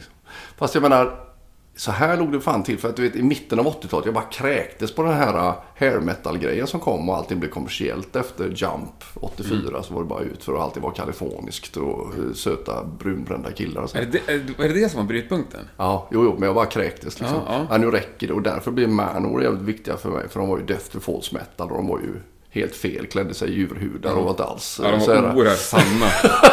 det är de fortfarande. Vad sa du? De är fortfarande sanna. Ja, men då tyckte jag att det var bra. Sen har det Ja. blivit en parodi på sig själv. Ja. Så jag tycker det kanske gick från att vara bäst till att vara sämst. Liksom. Ja, du vet. Men, Ja. men i alla fall. ehm, jo, det fanns ju klart undantag. Kanske Metal Church eller Candlemass eller sådana här grejer som jag tyckte var jättebra. Men, men då, alltså någon gång där i mitten av 80-talet så jag, jag ger upp. Jag tycker allting är skit. Liksom. Så jag gillar inte, ingenting av den här trenden som kom. Med när Saxon började konkurrera med Van Halen med benvärmare och, och eh, tuperat hår och sådär. Kiss var ju... tri- Trillade Ja, men allting var ju så. Ja. Men, men det är ju så businessen ser ut. Jag förstod ju det. Men det blev ju liksom mainstream av det som skulle Mm. varit någon slags eh, underground. Vilket jag tycker att rockmusik bör kanske Mm. vara. Och, och lite farligt på något sätt. Så. Men i alla fall, så då gick jag ju bakåt i tiden och, och letade upp sånt som jag hade missat. När jag, som jag kanske var för lite för liksom. Till exempel uh, Uriah Heep. Eller Arthur Brown eller Alice, Alice Cooper. Så, uh, ja, så upptäckte jag det. Men då hittade jag en helt ny värld med massa häftig musik som var ny för mig, även om den var gjord 1972. Och sådär va. Så, ja, så då konsumerade jag det jättemycket. Så här, liksom. Men det tror jag många som spelar själva så blir man ju genuint intresserad. Eller man blir intresserad på kanske ett annat sätt än någon som bara lyssnar på musik. Om man spelar musik ja. Ja, Ja. och man trillar tillbaks på vad har de lyssnat på, vad har de lyssnat på. Sen är man nere på Robert Johnson till slut. Ja, ja men, nej, men så är det väl. Man kan väl gå till ursprunget på något sätt. Varför, eh, ja, varför är det så här? Alltså, eller, Micke Di berättade för mig, han hörde några små killar som snackade på en flygplats och sa så här. Fan, har du hört om Iron Maiden? De låter precis som Hammerfall. ja, Ja. ja, ja. Nej men jag vet, jag var kanske 18 eller 19 när jag seriöst inte kunde höra skillnad på eh, Led Zeppelin och Deep Purple. Okej. Och jag tyckte bara, det är så gammalt liksom. Och nu är det helt oförståeligt. Som att inte se skillnad på svart och vitt. Jag kommer ihåg att gitarristen jag lirade med, de var bra mycket äldre, men han bara, Henke, vi måste sätta dig i hårdrocksskola. Ja. Och jag är ju liksom uppfödd hårdrockare, tänkte jag. Men jag började någonstans på Judas och Accept Ja, och sen Ja. vart det dödsmetall liksom. Jag- var, Jo, men du tyckte bara att hela soundet, det tar ju ett, ett tag att komma över det. jag vet att inte, det låter ju som att jag är fullkomligt omusikalisk. Nej, nej, nej, men så är det väl. Alltså, dytt, dytt, dytt, dytt, dytt. Du vet, om du säger så lyssnar på gammel, vad säger Ja. vals och sånt där. Allting har ju samma... Och så, dytt, dytt, dytt, dytt, dytt, och sen är det kanske skiljer i texterna och så här. Det beror på hur man grottar ner sig i det, tror jag. Liksom. Ja, men nu är det- det så jag hade inte- har inte så mycket orgel å andra sidan, men... Så det- ja. Ja, ja, jag erkänner i alla fall. Nej, nej, men det, det är väl inget konstigt. Det beror på... Det är få som föds och kan allt. Ja, men... Ja, vad ska man säga? Ja. Men, det hela är väl att det är samma tidsperiod, så att soundmässigt sett så skiljer ju sig eh, dessa plattor från 71 mot det som var 84. Ja. Så, så drastiskt helt enkelt och då paketerar du bara ihop dem allihopa. Ja. Uriah Heep och, och, Ja. och The Purple och Led Zeppelin och Sabbath. Det är samma Ja, sak. men ungefär så. Lite gnällig sång sådär, lite ostämt. Nej, men jag vet jag. Nej. Ja, nej då. Herregud, det är ju jättefarligt. Jag, jag pratar ju så fritt. Jag tänker inte på vad jag säger. Nej. jag, vet, va? Ja, du får säga till om du ångrar dig på något. Så får jag klippa Ja, bort ja. det. Jag får ha lite sån klocka. Ding! Ja, Eh, det skulle jag aldrig ha sagt. jo, fan. Göta källare. Vad, vad hände där? Gigget som blev inställt med det. Ja, Ja, jag kommer inte ihåg vad han hette ens den här människan. men- kan låta han vara Vi- nämnd vid namn. Ja, precis. Hans Holmér, nej. jag vet inte vad han hette. Jag kommer inte ihåg, men alltså jo, men det var väl... Det finns ju mycket, eh, vad ska jag säga, lurendrejare i den här businessen helt enkelt. Ja. Liksom. Och han har ju hållit på länge vad jag förstår. Och satt många människor i knipa helt enkelt för att han inte betalar ut de pengarna, inte gör vad han ska göra och så vidare. Han hörde av sig till mig, vill ha ett gig. Vi kommer överens om saker och ting. Han lägger fram ett kontraktsförslag helt enkelt och det ska vara de här grejerna. Det ska avsättas 7000 spänn till marknadsföring, alltså affischering och så vidare. Så här? Mm. Eh, och en garantisumma på, ja vad vet jag, eh, 20 000 spänn eller någonting sånt där. Som är, och sen ska jag, ja, skitsamma vad man har för deal där i alla fall. Men eh, tiden går helt enkelt och han gör ingen, ingen reklam överhuvudtaget. Jag får inte kontakt med människan. Jag är tvungen att ringa från folk, mina polares telefoner för att då svarar han. Liksom, och, sådär. och han gör inte vad han ska göra. Och han tycker att ah, det funkar inte så i Stockholm med marknadsföring eller med just eh, reklam. Så Nej, men det är ju ditt förslag från start. Liksom, så, att säga. så om inte du uppfyller det så är det kontraktsbrott helt enkelt. Liksom. Och jag drog på detta så långt som, så länge som möjligt. Liksom, bara för att ja, det var ju folk som hade köpt biljetter. Han fick inte igång den här skiten och så vidare. Så, så att... Ja, folk som från Holland eller Finland och så här, som hade bokat hotell och flyg och allting sånt där. Men så det gick ju inte. Jag fick ingen kontakt med människan. Så, så att... um, jag läste på Facebook, han gjorde något inlägg och sen, sen svarade han på det själv och hade en eh, argumentation med sig själv. Så jag insåg att han var inte riktigt frisk. Liksom. Ja, så. Ehm, så därför började jag snacka med han som ljudtekniker som jag känner sedan tidigare. Och, ja, jag försökte hålla på att dra den här människan. För att jag ville ju lira i Stockholm och få det här giget gjort. Det var ju, ingick ju i den här turnéplanen då. Liksom, så här. Men eh, sen när det bara var en vecka kvar så sa jag att jag, jag ser inte någon... Du har inte betalat in garantisumman så vi kan inte ta oss till Stockholm. Det kan jag förvisso gjort, men Jo, varför liksom? För men, om inte han ska göra det, då kanske har vi hotell? Nej. Har vi någon mat? Nej. Finns det någon PA? Nej. Är det något folk? Nej, men det har inte, ja, vi har inte sålt några biljetter. Men det hänger ju ihop med att de inte har gjort någon reklam. Det är ingen som vet att det är någonting. Allting är inte Facebook ett event där. Nej. Liksom. Så jag sa så här en vecka kvar. Jag, jag ser ingen annan... Eh, ingen annan lösning än att vi är tvungna att ställa det giget. Ja, men då är det du som ställer det. Nej, det är det inte. Det är du som har frammanat detta. Ja, så det blev ju massa bråk där. Sen tog jag detta till eh, Kronofogden och sen tingsrätten och då vann jag ju så småningom. Liksom. Ja. Ja, det blev rättegång också kring Ja, ja. det. Jo, men anledningen till att jag gör det, det kan ju tycka så, ja, det var lite gnidigt. Det var ju bara 20 000 spänn i garantisumma. Ja, det handlar om principen liksom. Att du har fuckat upp det för så många andra människor som fått lida för det och fans och så vidare. De tycker ju inte att det är hans fel utan det är ju mitt fel tycker de ju. För att jag ställer gigget. Men jag har gjort allt i min makt för att få detta att funka. Så jag menar, det krävs ju tycker jag att någon sätter ner foten för helvete liksom. Ja. För annars får han ju fortsätta. Precis ungefär som att om min brud blir våldtagen. Liksom, ja, ja, men det är ju redan skett. Det är ju det vi anmäler. Ja, men nästa gång då liksom. Slå ihjäl han så, så kan han inte göra om det liksom. Nej, Nej, jag tycker det, det är hårt. För det, ja men, Ja, men precis jag som tycker du att det är säger, ganska det, mycket... det finns massor av folk som lurar band liksom. Jo, jo, men, det, men det, jag tycker att det, det... är ju få som orkar dra det till domstol. Jo, jo, men därför så vann jag ju det här och så lägger jag ut det så här. Där jag står I won the case. Mm. På Facebook och så vidare. Så, här. så att don't fuck with me. Jag jag gör aldrig upp bara så att du vet. Nej, Man jävlas inte med... nej, dig. jävlas inte med Nej. mig liksom. Jag är aldrig upp bara så du vet liksom. Det är bra. Jo, men någon måste ju sätta ner foten för annars kan ju det bara fortgå. Ja, Man ja, kan ju inte bara, ja men det... Nej. Sånt händer. Det händer inte alls. Han ska inte få sabotera för andra Men människor. är det folk som försöker jävlas med dig? Ja, inte efter det här. jo, men Det här var ganska nyligt. Det är det väl hela tiden. Jag, jag skapar ju med många ovänner så sett. Men det skiter jag om folk, om folk sätter mig i dumma situationer och inte är reko och ärliga och så vidare. Så bara, ja, då, då, fuck you liksom. Jag tänker, du får inga pengar eller du vet så här. Alltså, jag vill inte ha med det att göra. Mm. Jag kan inte förstå att de kan fortgå, fortsätta hålla på med det i decennier helt enkelt. När de beter sig som rövhål liksom. Nej, det är ju otroligt. Faktiskt. Alltså någon måste ju sätta ner foten. Det är väl det som är problemet med samhället. Är det inte det liksom? För fan. Det är ju väldigt mycket humma med. Men Och så alla, sätter alla är så alla rädda foten. för att bränna broar eller stänga dörrar för man vet aldrig. Nej, det Nej. är klart jag, jag är inte ute efter att bråka med folk eller så vidare. Men var reko och ärlig för helvete liksom. Ja, Då slipper vi ha den här situationen. Liksom. Men om inte man är lämpad för att göra en viss sorts jobb. Alltså, jag spelar ingen roll, jag skiter vem som gör det. Men lämnar jag in min bil så antar jag att den människan som håller på med det vet vad de sysslar med. Så jag får det jobbet utfört liksom. Alltså det gäller väl allting. Ja. Ja. Man hoppas att det Ja, ska att fungera man ska, ja, ja, precis. När du putsar baksätet när det var fel på motorn. Ja, Ja. ja. men, var konstigt nu. Här.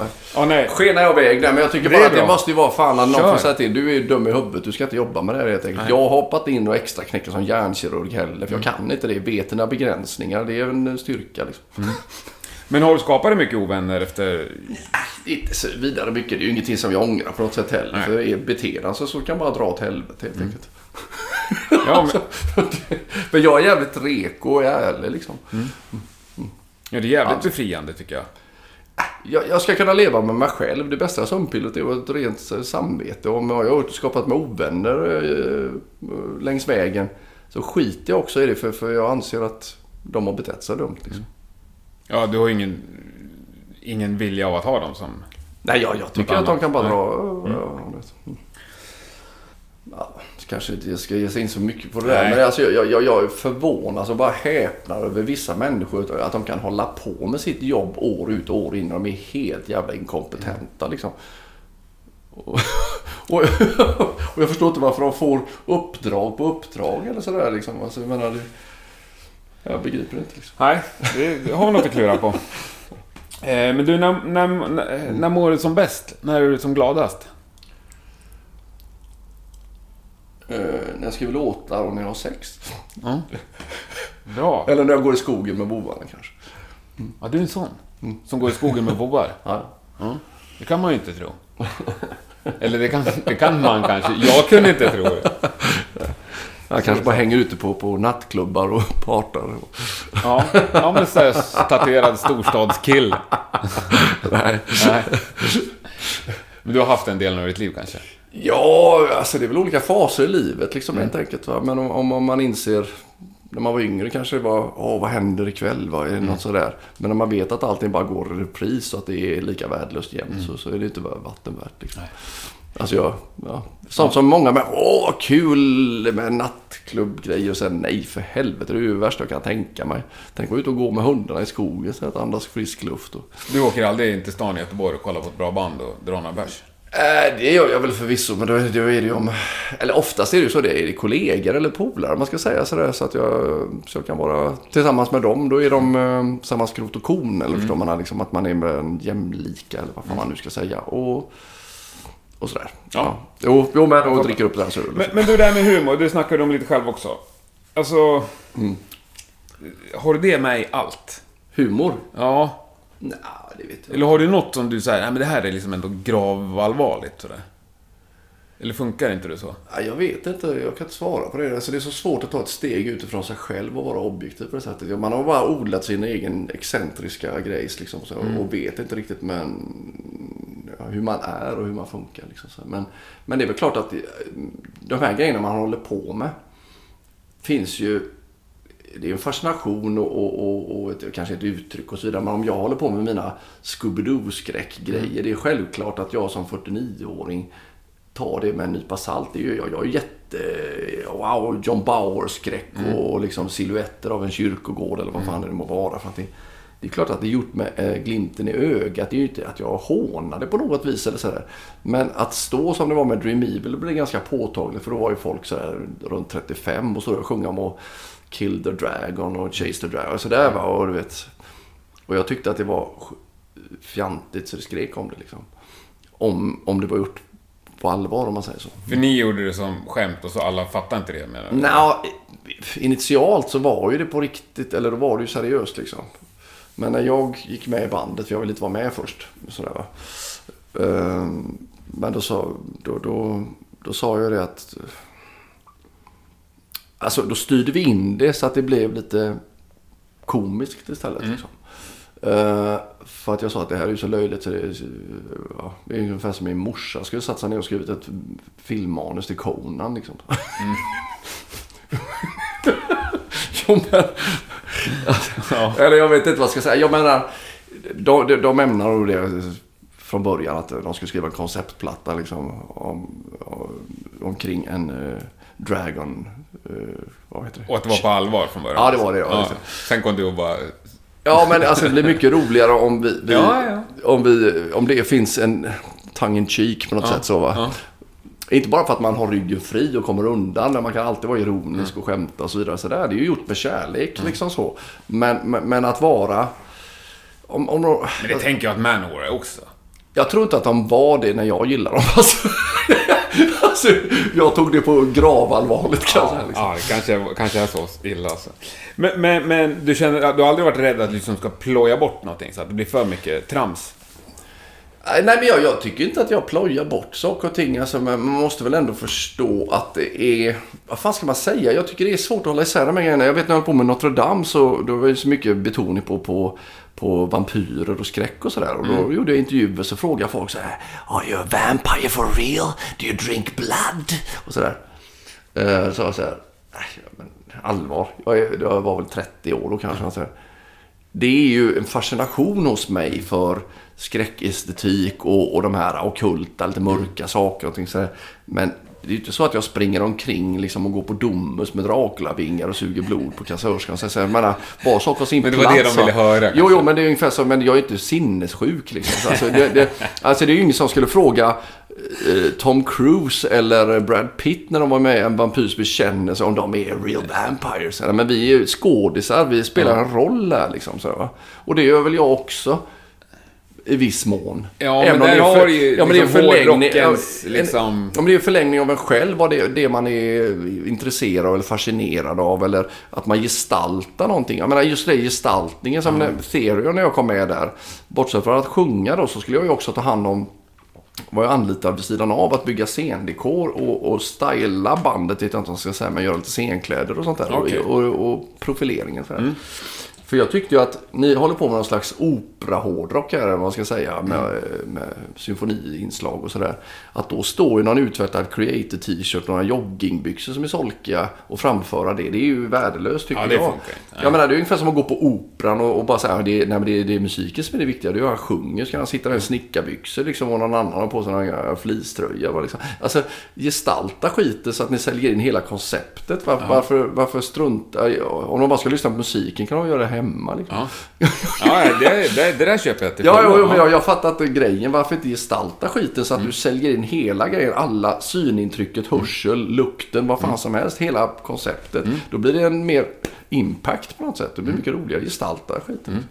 Och, och det där tycker jag väl går igen i, i hur jag gör musik och så här. Det är just därför jag har gjort massa videos utan att släppa en platta här. För, för att också etablera det visuella konceptet. Vilket jag tycker är väldigt viktigt att det sätts i rätt rum. Liksom. Alltså helt ärligt, att tro att musik handlar om musik, då har man ju fel. Alltså, alltså jag hade ju inte gillat Kiss om de hade sett ut som Dr Hook. Liksom. alltså det var, jag, jag tyckte jag snarare att de såg häftiga ut. Liksom. Ja. Fast det är ju helheten här Ja. då. Liksom. Alltså, jag, jag vet inte, man kan ju inte... Finns ju givetvis undantag sådär, men, men, men jag tror att Även om det kommer till Backyard Babies och de säljer in att de har kajal och tatueringar och röker på scen. Nej, men du vet. alltså, och, och smala ben med tajta jeans. Nej, men du vet, alltså, det, det är hela modet. Det är en, Ja. en, en trend. Liksom, det, det, det är så mycket mer än bara musiken. Sådär, va? Ja, ja. Alltså dessa, dessa maner och sälja in någon... Sälja in sig, ja men du fattar vad jag menar? Ja, men jag så. fattar. Ja. Och det, det är väl därför det fortfarande ändå är lite mytomspunnet med rock. Och det är väl därför en journalist frågar dig om du är vampyr på riktigt. För man kollar de här black metal-killarna i Norge eller Sverige Ja. också, liksom, som ändå kör hela vägen. De kör liksom blod när de repar också. Det ingen ser. Det som Ja, är... ja, det var väl i och för sig början av 90-talet kanske. Då var Jo. de unga liksom sådär. Men, men Ja, jag, jag, jag- jag snackade med någon polare om det här om dagen just för att jag menar... Jag tyckte att det var konstigt att det, att det blossade upp så mycket. Att det var sådär anti-kristendom. Och så var det från vårat eh, grannland Norge liksom. Men de är tydligen jätte, jättemycket mer kristna helt enkelt. Än vad, än vad vi i Sverige helt enkelt. Ja, det kanske de Vad är. heter det? Sekular, Sekulariserat. Liksom, Ja. så, här. så jag menar, i Sverige, alltså, som jag upplever så, jag är ju inte med i Svenska kyrkan så jag bara skrattar åt det. Jag tycker det är så löjligt liksom. Helt enkelt. Men, ehm, Jo, men det är ingen som blir provocerad av Svenska kyrkan. nej men alltså, Eller var, väldigt var, få varför ska man revoltera mot någonting som inte utgör ett hot? Nej, det är ju det jag menar. Ja, alltså det, ja. För det är ju inte så att någon tvingar mig att gå till kyrkan direkt. Liksom. nej. Nu har vi ju inte ens kvar det som statsreligion. Det Nej, nej, nej, nej, nej, nej, nej.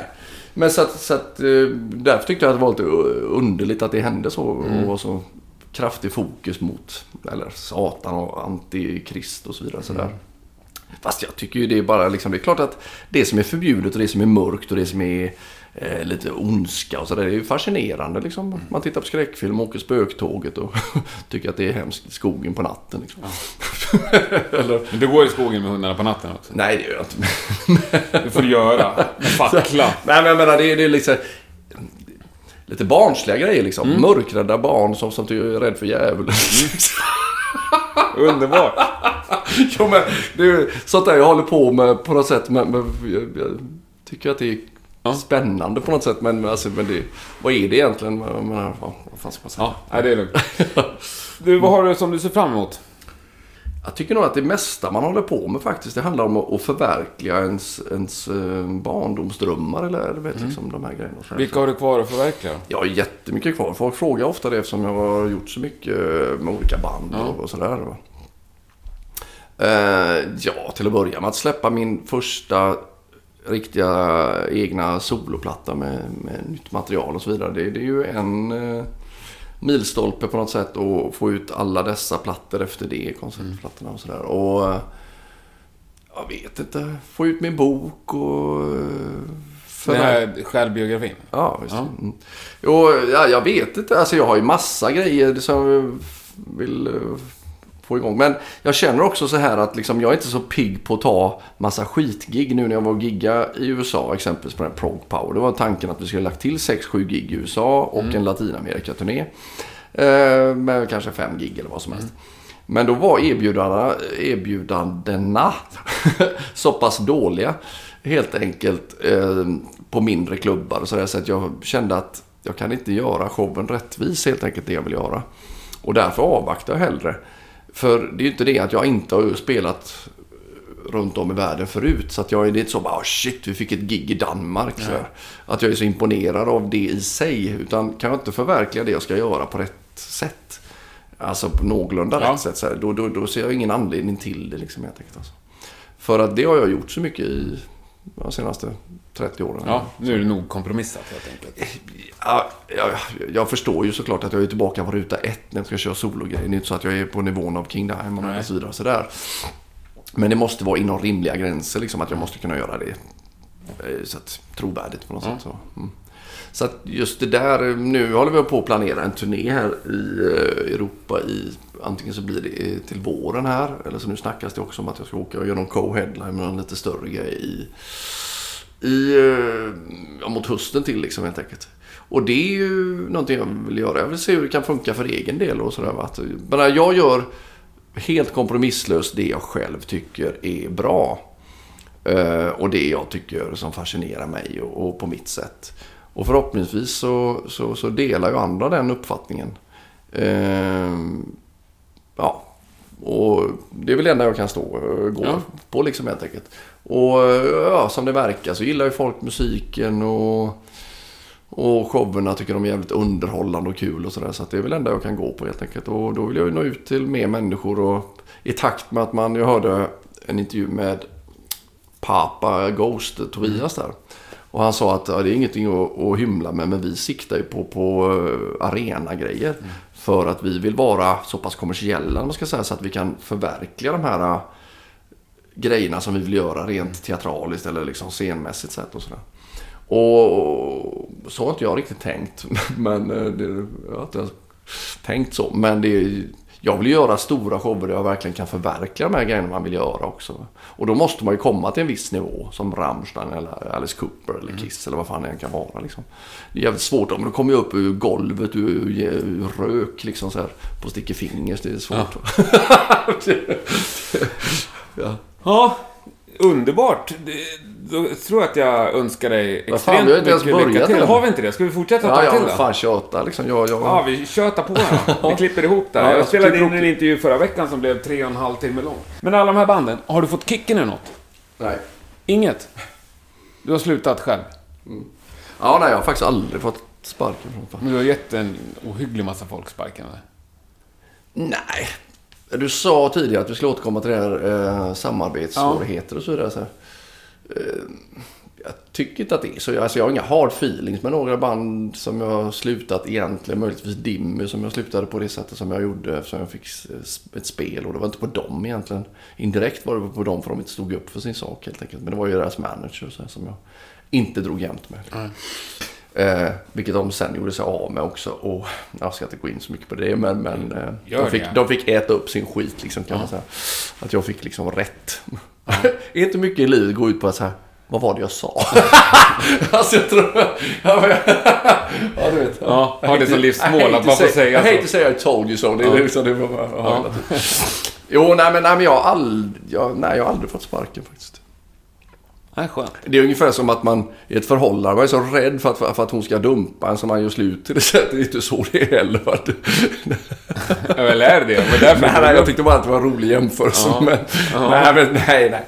Nej, jag har väl aldrig misskött mig på något sätt. Jag ju, sköter ju mina grejer liksom. Mm.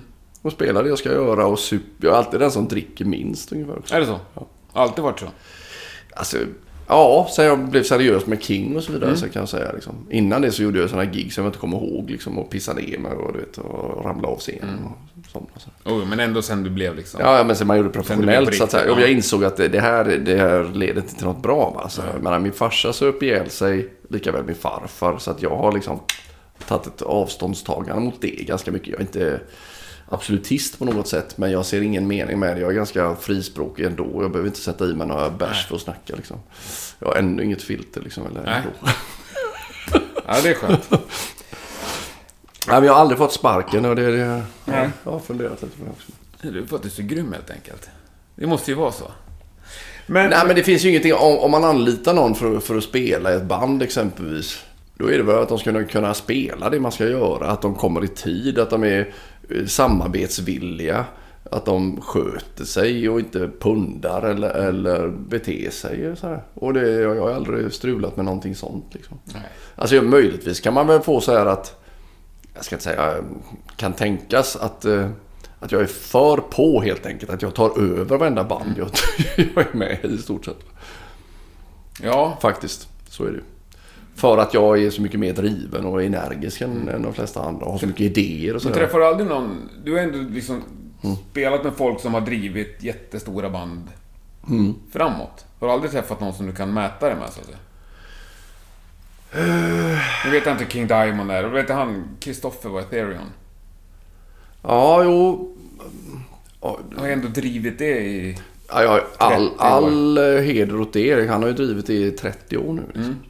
Jo, nej men jag har inga samarbetssvårigheter på det sättet. Alltså, det, det gäller att veta Nej, men jag menar, har du aldrig träffat någon sån som du kan känna det på samma nivå med? Om du nu Jo, tänker- det känner jag. Alltså, Kristoffer, han är ju, som jag skulle säga, först och främst en otroligt bra eh, företagsledare. Liksom på det sättet att han har drivit den här grejen under så många års tid och följer sin egen instinkt och så vidare. Jag har ju dividerat så inåt helvete med honom på nätterna efter, efter eh, på turnéer och så vidare om inriktningar för saker och ting. Till exempel vi gjorde en fransk platta. Ja, det han gjorde så han sa att ja, det är det nya, det är Jeje-musik som kommer. Ja, så här. Och jag sa, jag älskar ju den här grejen, den här franska epoken från 68, 1970 där liksom.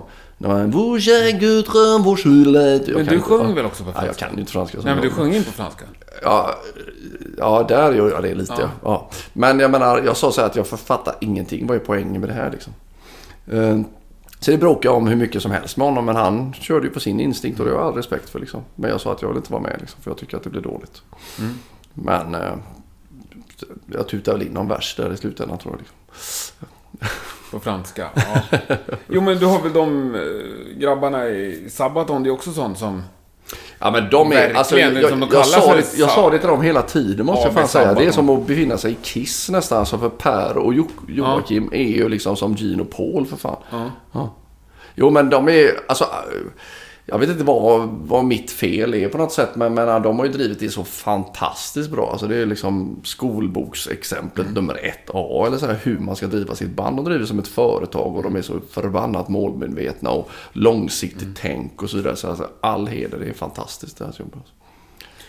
Men vad, vad hade Sabaton för rykte när du gick med dem? Rent musikaliskt. Eh, Alltså ryktet, jag menar. Är det inte så här att de grejerna som går hem hos folk. Vare sig det är Thomas Ledin eller Håkan Hellström eller Hammerfall eller Sabaton. Så, så är ju det folk som är inkörda som är musiker själva. Klankar ner på det liksom. Medan, Är det så enkelt, tror du? medan om man nu får säga pöbeln gillar det liksom. Ja. Jag vet inte om det är avundsjuka eller vad det nu är för någonting. Men jag tror att För om du tänker på... Styrkan Ta en stor festival, liksom. Ta Sweden Rock, och så är det... Ja. Ta de tio största banden. ja, Så är det ju ändå inte så att de tio banden är det som folk snackar skit om. Men där har ju Sabaton fått en, liksom, en unik roll. De får ju klä skott för ohyggligt mycket. Det är ingen som går och klankar ner på Aerosmith liksom. Nu är de gamla, men om, även om du tar nyare saker. alltså Eller kanske är så. Ja, jag vet inte hur du upp, uppriktigt sagt. Tänk Men om, man, om man skulle jämföra Sabaton och Aerosmith och så vidare så har väl Aerosmith är, är för oss då, om vi säger Sweden Rock, eller jag vet inte vad det var det du sa, men, men, men i alla fall, då är de ett amerikanskt band som har hållit på sedan 1970. Ja. och sådär va. Jag tror nästan att det är om man besitter någonting så att man kan nå ut till en bred massa och då ska alla plötsligt dissa det för det är inte fint nog eller credit nog. Det ska vara lite är det inte så hos musiker att man är kraftigt yrkesskadad? Liksom? Men det är ju ganska tydligt att jag menar, jag försöker göra musik som, som jag gillar och då är det absolut inte, jag är inte intresserad av att det ska vara progressivt eller svårt eller så vidare. För vilka riff är det du nynnar på när du är liten? Det är, Lite, men fortfarande. jo men exakt, du är fortfarande liksom. Eller Uriah Heep. Så här, idiotenkelt. Man, man, man, man kan ju vara en grottmänniska och ändå förstå det. Liksom. Det är inte så många som går omkring och nynnar på något Steve Vai-riff direkt. Liksom. Eller hur? Nej, nej, det är sjukt sällan man hör någon göra det. jo, men, jo, men eller, ja, ja, alltså det blir någon slags självändamål så är det här jazziga, Ja, ja, Frank Zappa på något sätt. Så jag menar, Och har man den förmågan som Oscar Dronjak exempelvis, exempelvis besitter då. Att han är road av det. Att så Medan jag kanske ka- skulle kasserat det när jag var 16. Liksom. Nej, jag vill inte vara sån va, men det fattar jag vad jag menar. Ja. Jag vill ju göra enkel musik Ja, jag- på något sätt. Så. Men det kan gärna vara lite eh, sofistikerat, vet jag inte om det är rätt ord, men under, eh, un, underneath på något sätt så kan det finnas, ja men det där var en tre, tre fjärdedels sju takt, inte vet jag. Men att, ja. Nej, Ja, nej men du kanske har rätt. Ja, jag men, alltså, det, nej, är men lite kan- sorgligt att jag menar, jag har märkt det liksom tyvärr. Alltså, när jag skrev Book of Heavy Metal och så, så la jag till lökigt så här. To be or not to be. Och så här, och tycker folk, åh herregud vilket djup du citerar Har- Hamlet eller Shakespeare här. Så här. Oj då, det där är ju ungefär som på den nivån som man kan läsa i Kalle Anka. Ja. Ja, men, Folk tyckte det var djupt. ja, då inser man att de, de är inte så djupgående som en själv kanske är. Liksom, I sina analyser eller eh, när det kommer till hur mycket vikt de lägger vid texter och så vidare. Så. Men lägger du vikt vid texter? Ja, på, på ett lite annorlunda sätt skulle jag nog säga. Kanske besläktat med någon sån där, eh, nu ska jag inte jämföra med Ron James Dio eller så, det är inte det jag menar. Men att jag tror att han sjöng egentligen vad som låg bra i munnen. Och sen andemeningen är det liksom lite sekundär. Och det, jag menar, min fru är ju från helt andra sidan hållet. Eller så här, hon är uppvuxen med Bob Dylan och sånt där och lägger jättestor vikt vid texterna. Och sen tycker jag utförandet är ju liksom lite taffligt kan man ju säga. alltså det är snarare så att han är en poet som tonsätter sina dikter.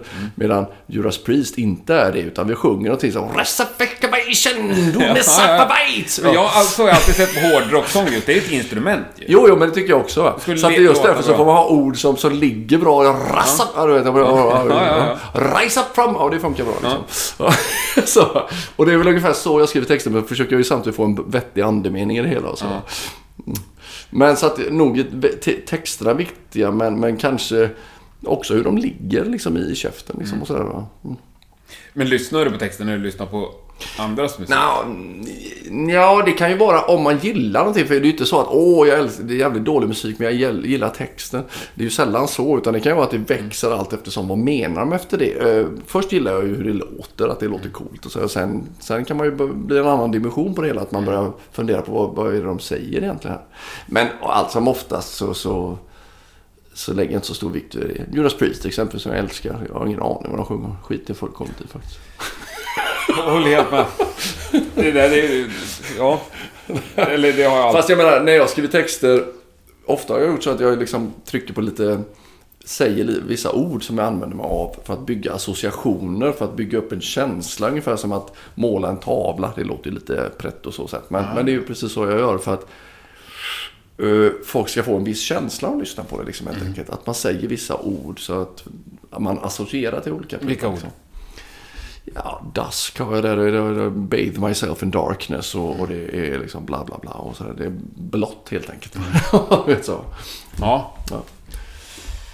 Jag fattar. Tror jag. Jo, jo, men ja. Här för fan, en fråga som jag brukar fråga alla förr i tiden, men jag slutar med. Okej. Folk har hört av sig, så att du måste börja fråga det där igen. Okej. Vem är den mest musikaliska person du har lirat med? Ehm.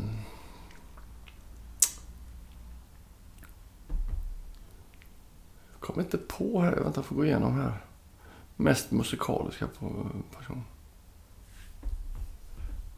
Ja, Charlie D'Angelo är väldigt musikalisk fast jag inte riktigt. Han är, han är inte... Han skapar ju ingenting så att säga. Men han är väl, har en stor förståelse. Uh, fan alltså, vem kom... Svår fråga, men intressant fråga. Eh, Alltså det är så här att jag, jag värderar inte så mycket att man är duktig instrumentalist och så vidare. Så här. Utan jag tycker det är, att skriva låtar tycker jag är viktigast av allting. Liksom, helt enkelt. Ja. Och, och ofta är det då till exempel Leif Edling som jag tycker är en fantastisk låtskrivare. Så här. Men vad jag har förstått så kan han ju knappt skilja på strängarna. Liksom. Mm. Men det Ja, men spelar inte mig någon roll. Liksom. Spelar han inte ens bas längre? I... Gör inte det? Nej, nej, Nej, han på många Jo, jo, men, men liksom, det tycker jag är kanske det absolut viktigaste. Liksom. Mm. Det är musikalitet för dig, så att säga. Ja, alltså det är ju... Då är man någon som skapar någonting. Du nämnde James Brown förut. Jag såg en film om honom, eller, eller en, en dokumentär. Och han dikterar ju, han var jävligt eh, diktatorisk på något sätt sådär. Men han har ju ingen musikalisk träning, han visste inte vad han pratade om. Men han hade en känsla helt enkelt, en vision. Ja, du var bara ja, jakten precis, på va. ett groove liksom. Ja, men precis va. Och, och, och därför skapar han en helt ny musikform och sådär. Ehm, Har du aldrig, apropå James Brown och, Mm. och Buddy Rich och de här. Har du aldrig lirat något, något annat? Ja, jo, jag har väl varit med och petat lite här och var liksom, men ingenting som varit bestående eller sådär. Alltså jag har väl lirat i något så här, gjort några gig sådär med jävla... Men du har inte som session-trummis hamnat in på, på... Tyvärr måste jag säga. Alltså det ringde en polare till mig som inte jag hade, som jag brukar sitta och jobba med omslag och sådär till Memento Mori för alla dessa år sedan. Men då ringde han mig för, låt oss säga ett halvår sedan här. Lördag morgon klockan 11, halv elva liksom. Och, och han skulle göra en egen platta. Och, och så frågade han mig så här. Eh, kan du lägga trummor på den? Ja, det kan vi göra. När tänkte du att vi skulle göra det? Frågade jag. Ja, så fort du kan.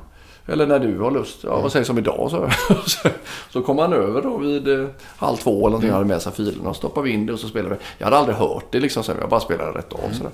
Och menar, då är det lite mera kanske var lite blues eller kanske var lite eh, reggae eller något. Eller var liksom gubbjazz, Tom Petty, sån här Springsteen, liksom vad fan som helst. Liksom så. Och det var jävligt befriande att få spela andra grejer. För ofta så får jag bara uppdrag att, att spela metal-trummor mm. exempelvis. Och jag är inte så jävla intresserad. Jag skulle gladeligen spela sån Buddy Rich eller så jazz eller sådär alltså. Ja. Men, men tyvärr, man blir väl nischad. Man hamnar i det alltså. Men du får, ta, du får väl skapa ditt eget Pompeji? Ja, jo precis. Men jag skulle gladeligen göra. För, för man just att jag har ju musikaliteten och, och, och bredden för det och förstå musik liksom helt enkelt. Va?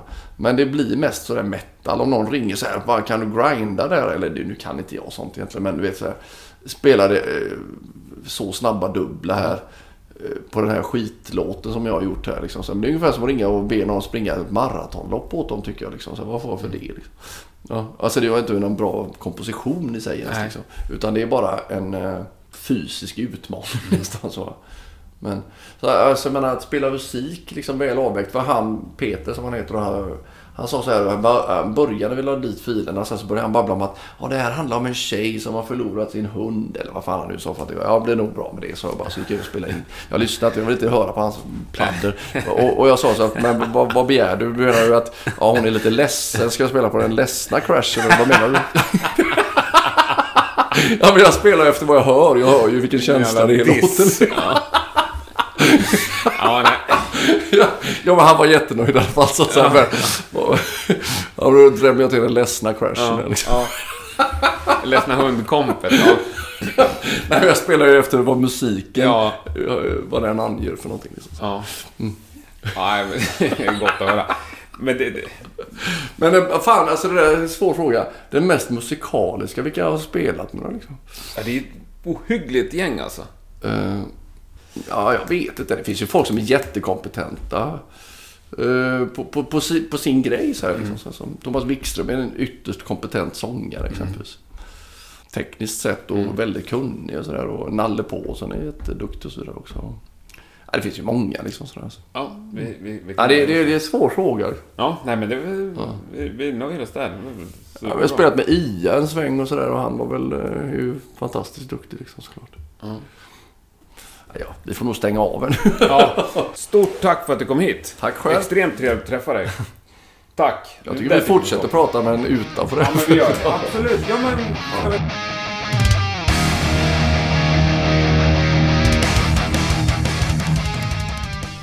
Där stänger vi av inspelningen och fortsätter vårat samtal ett par timmar till faktiskt, fast på tu man hand.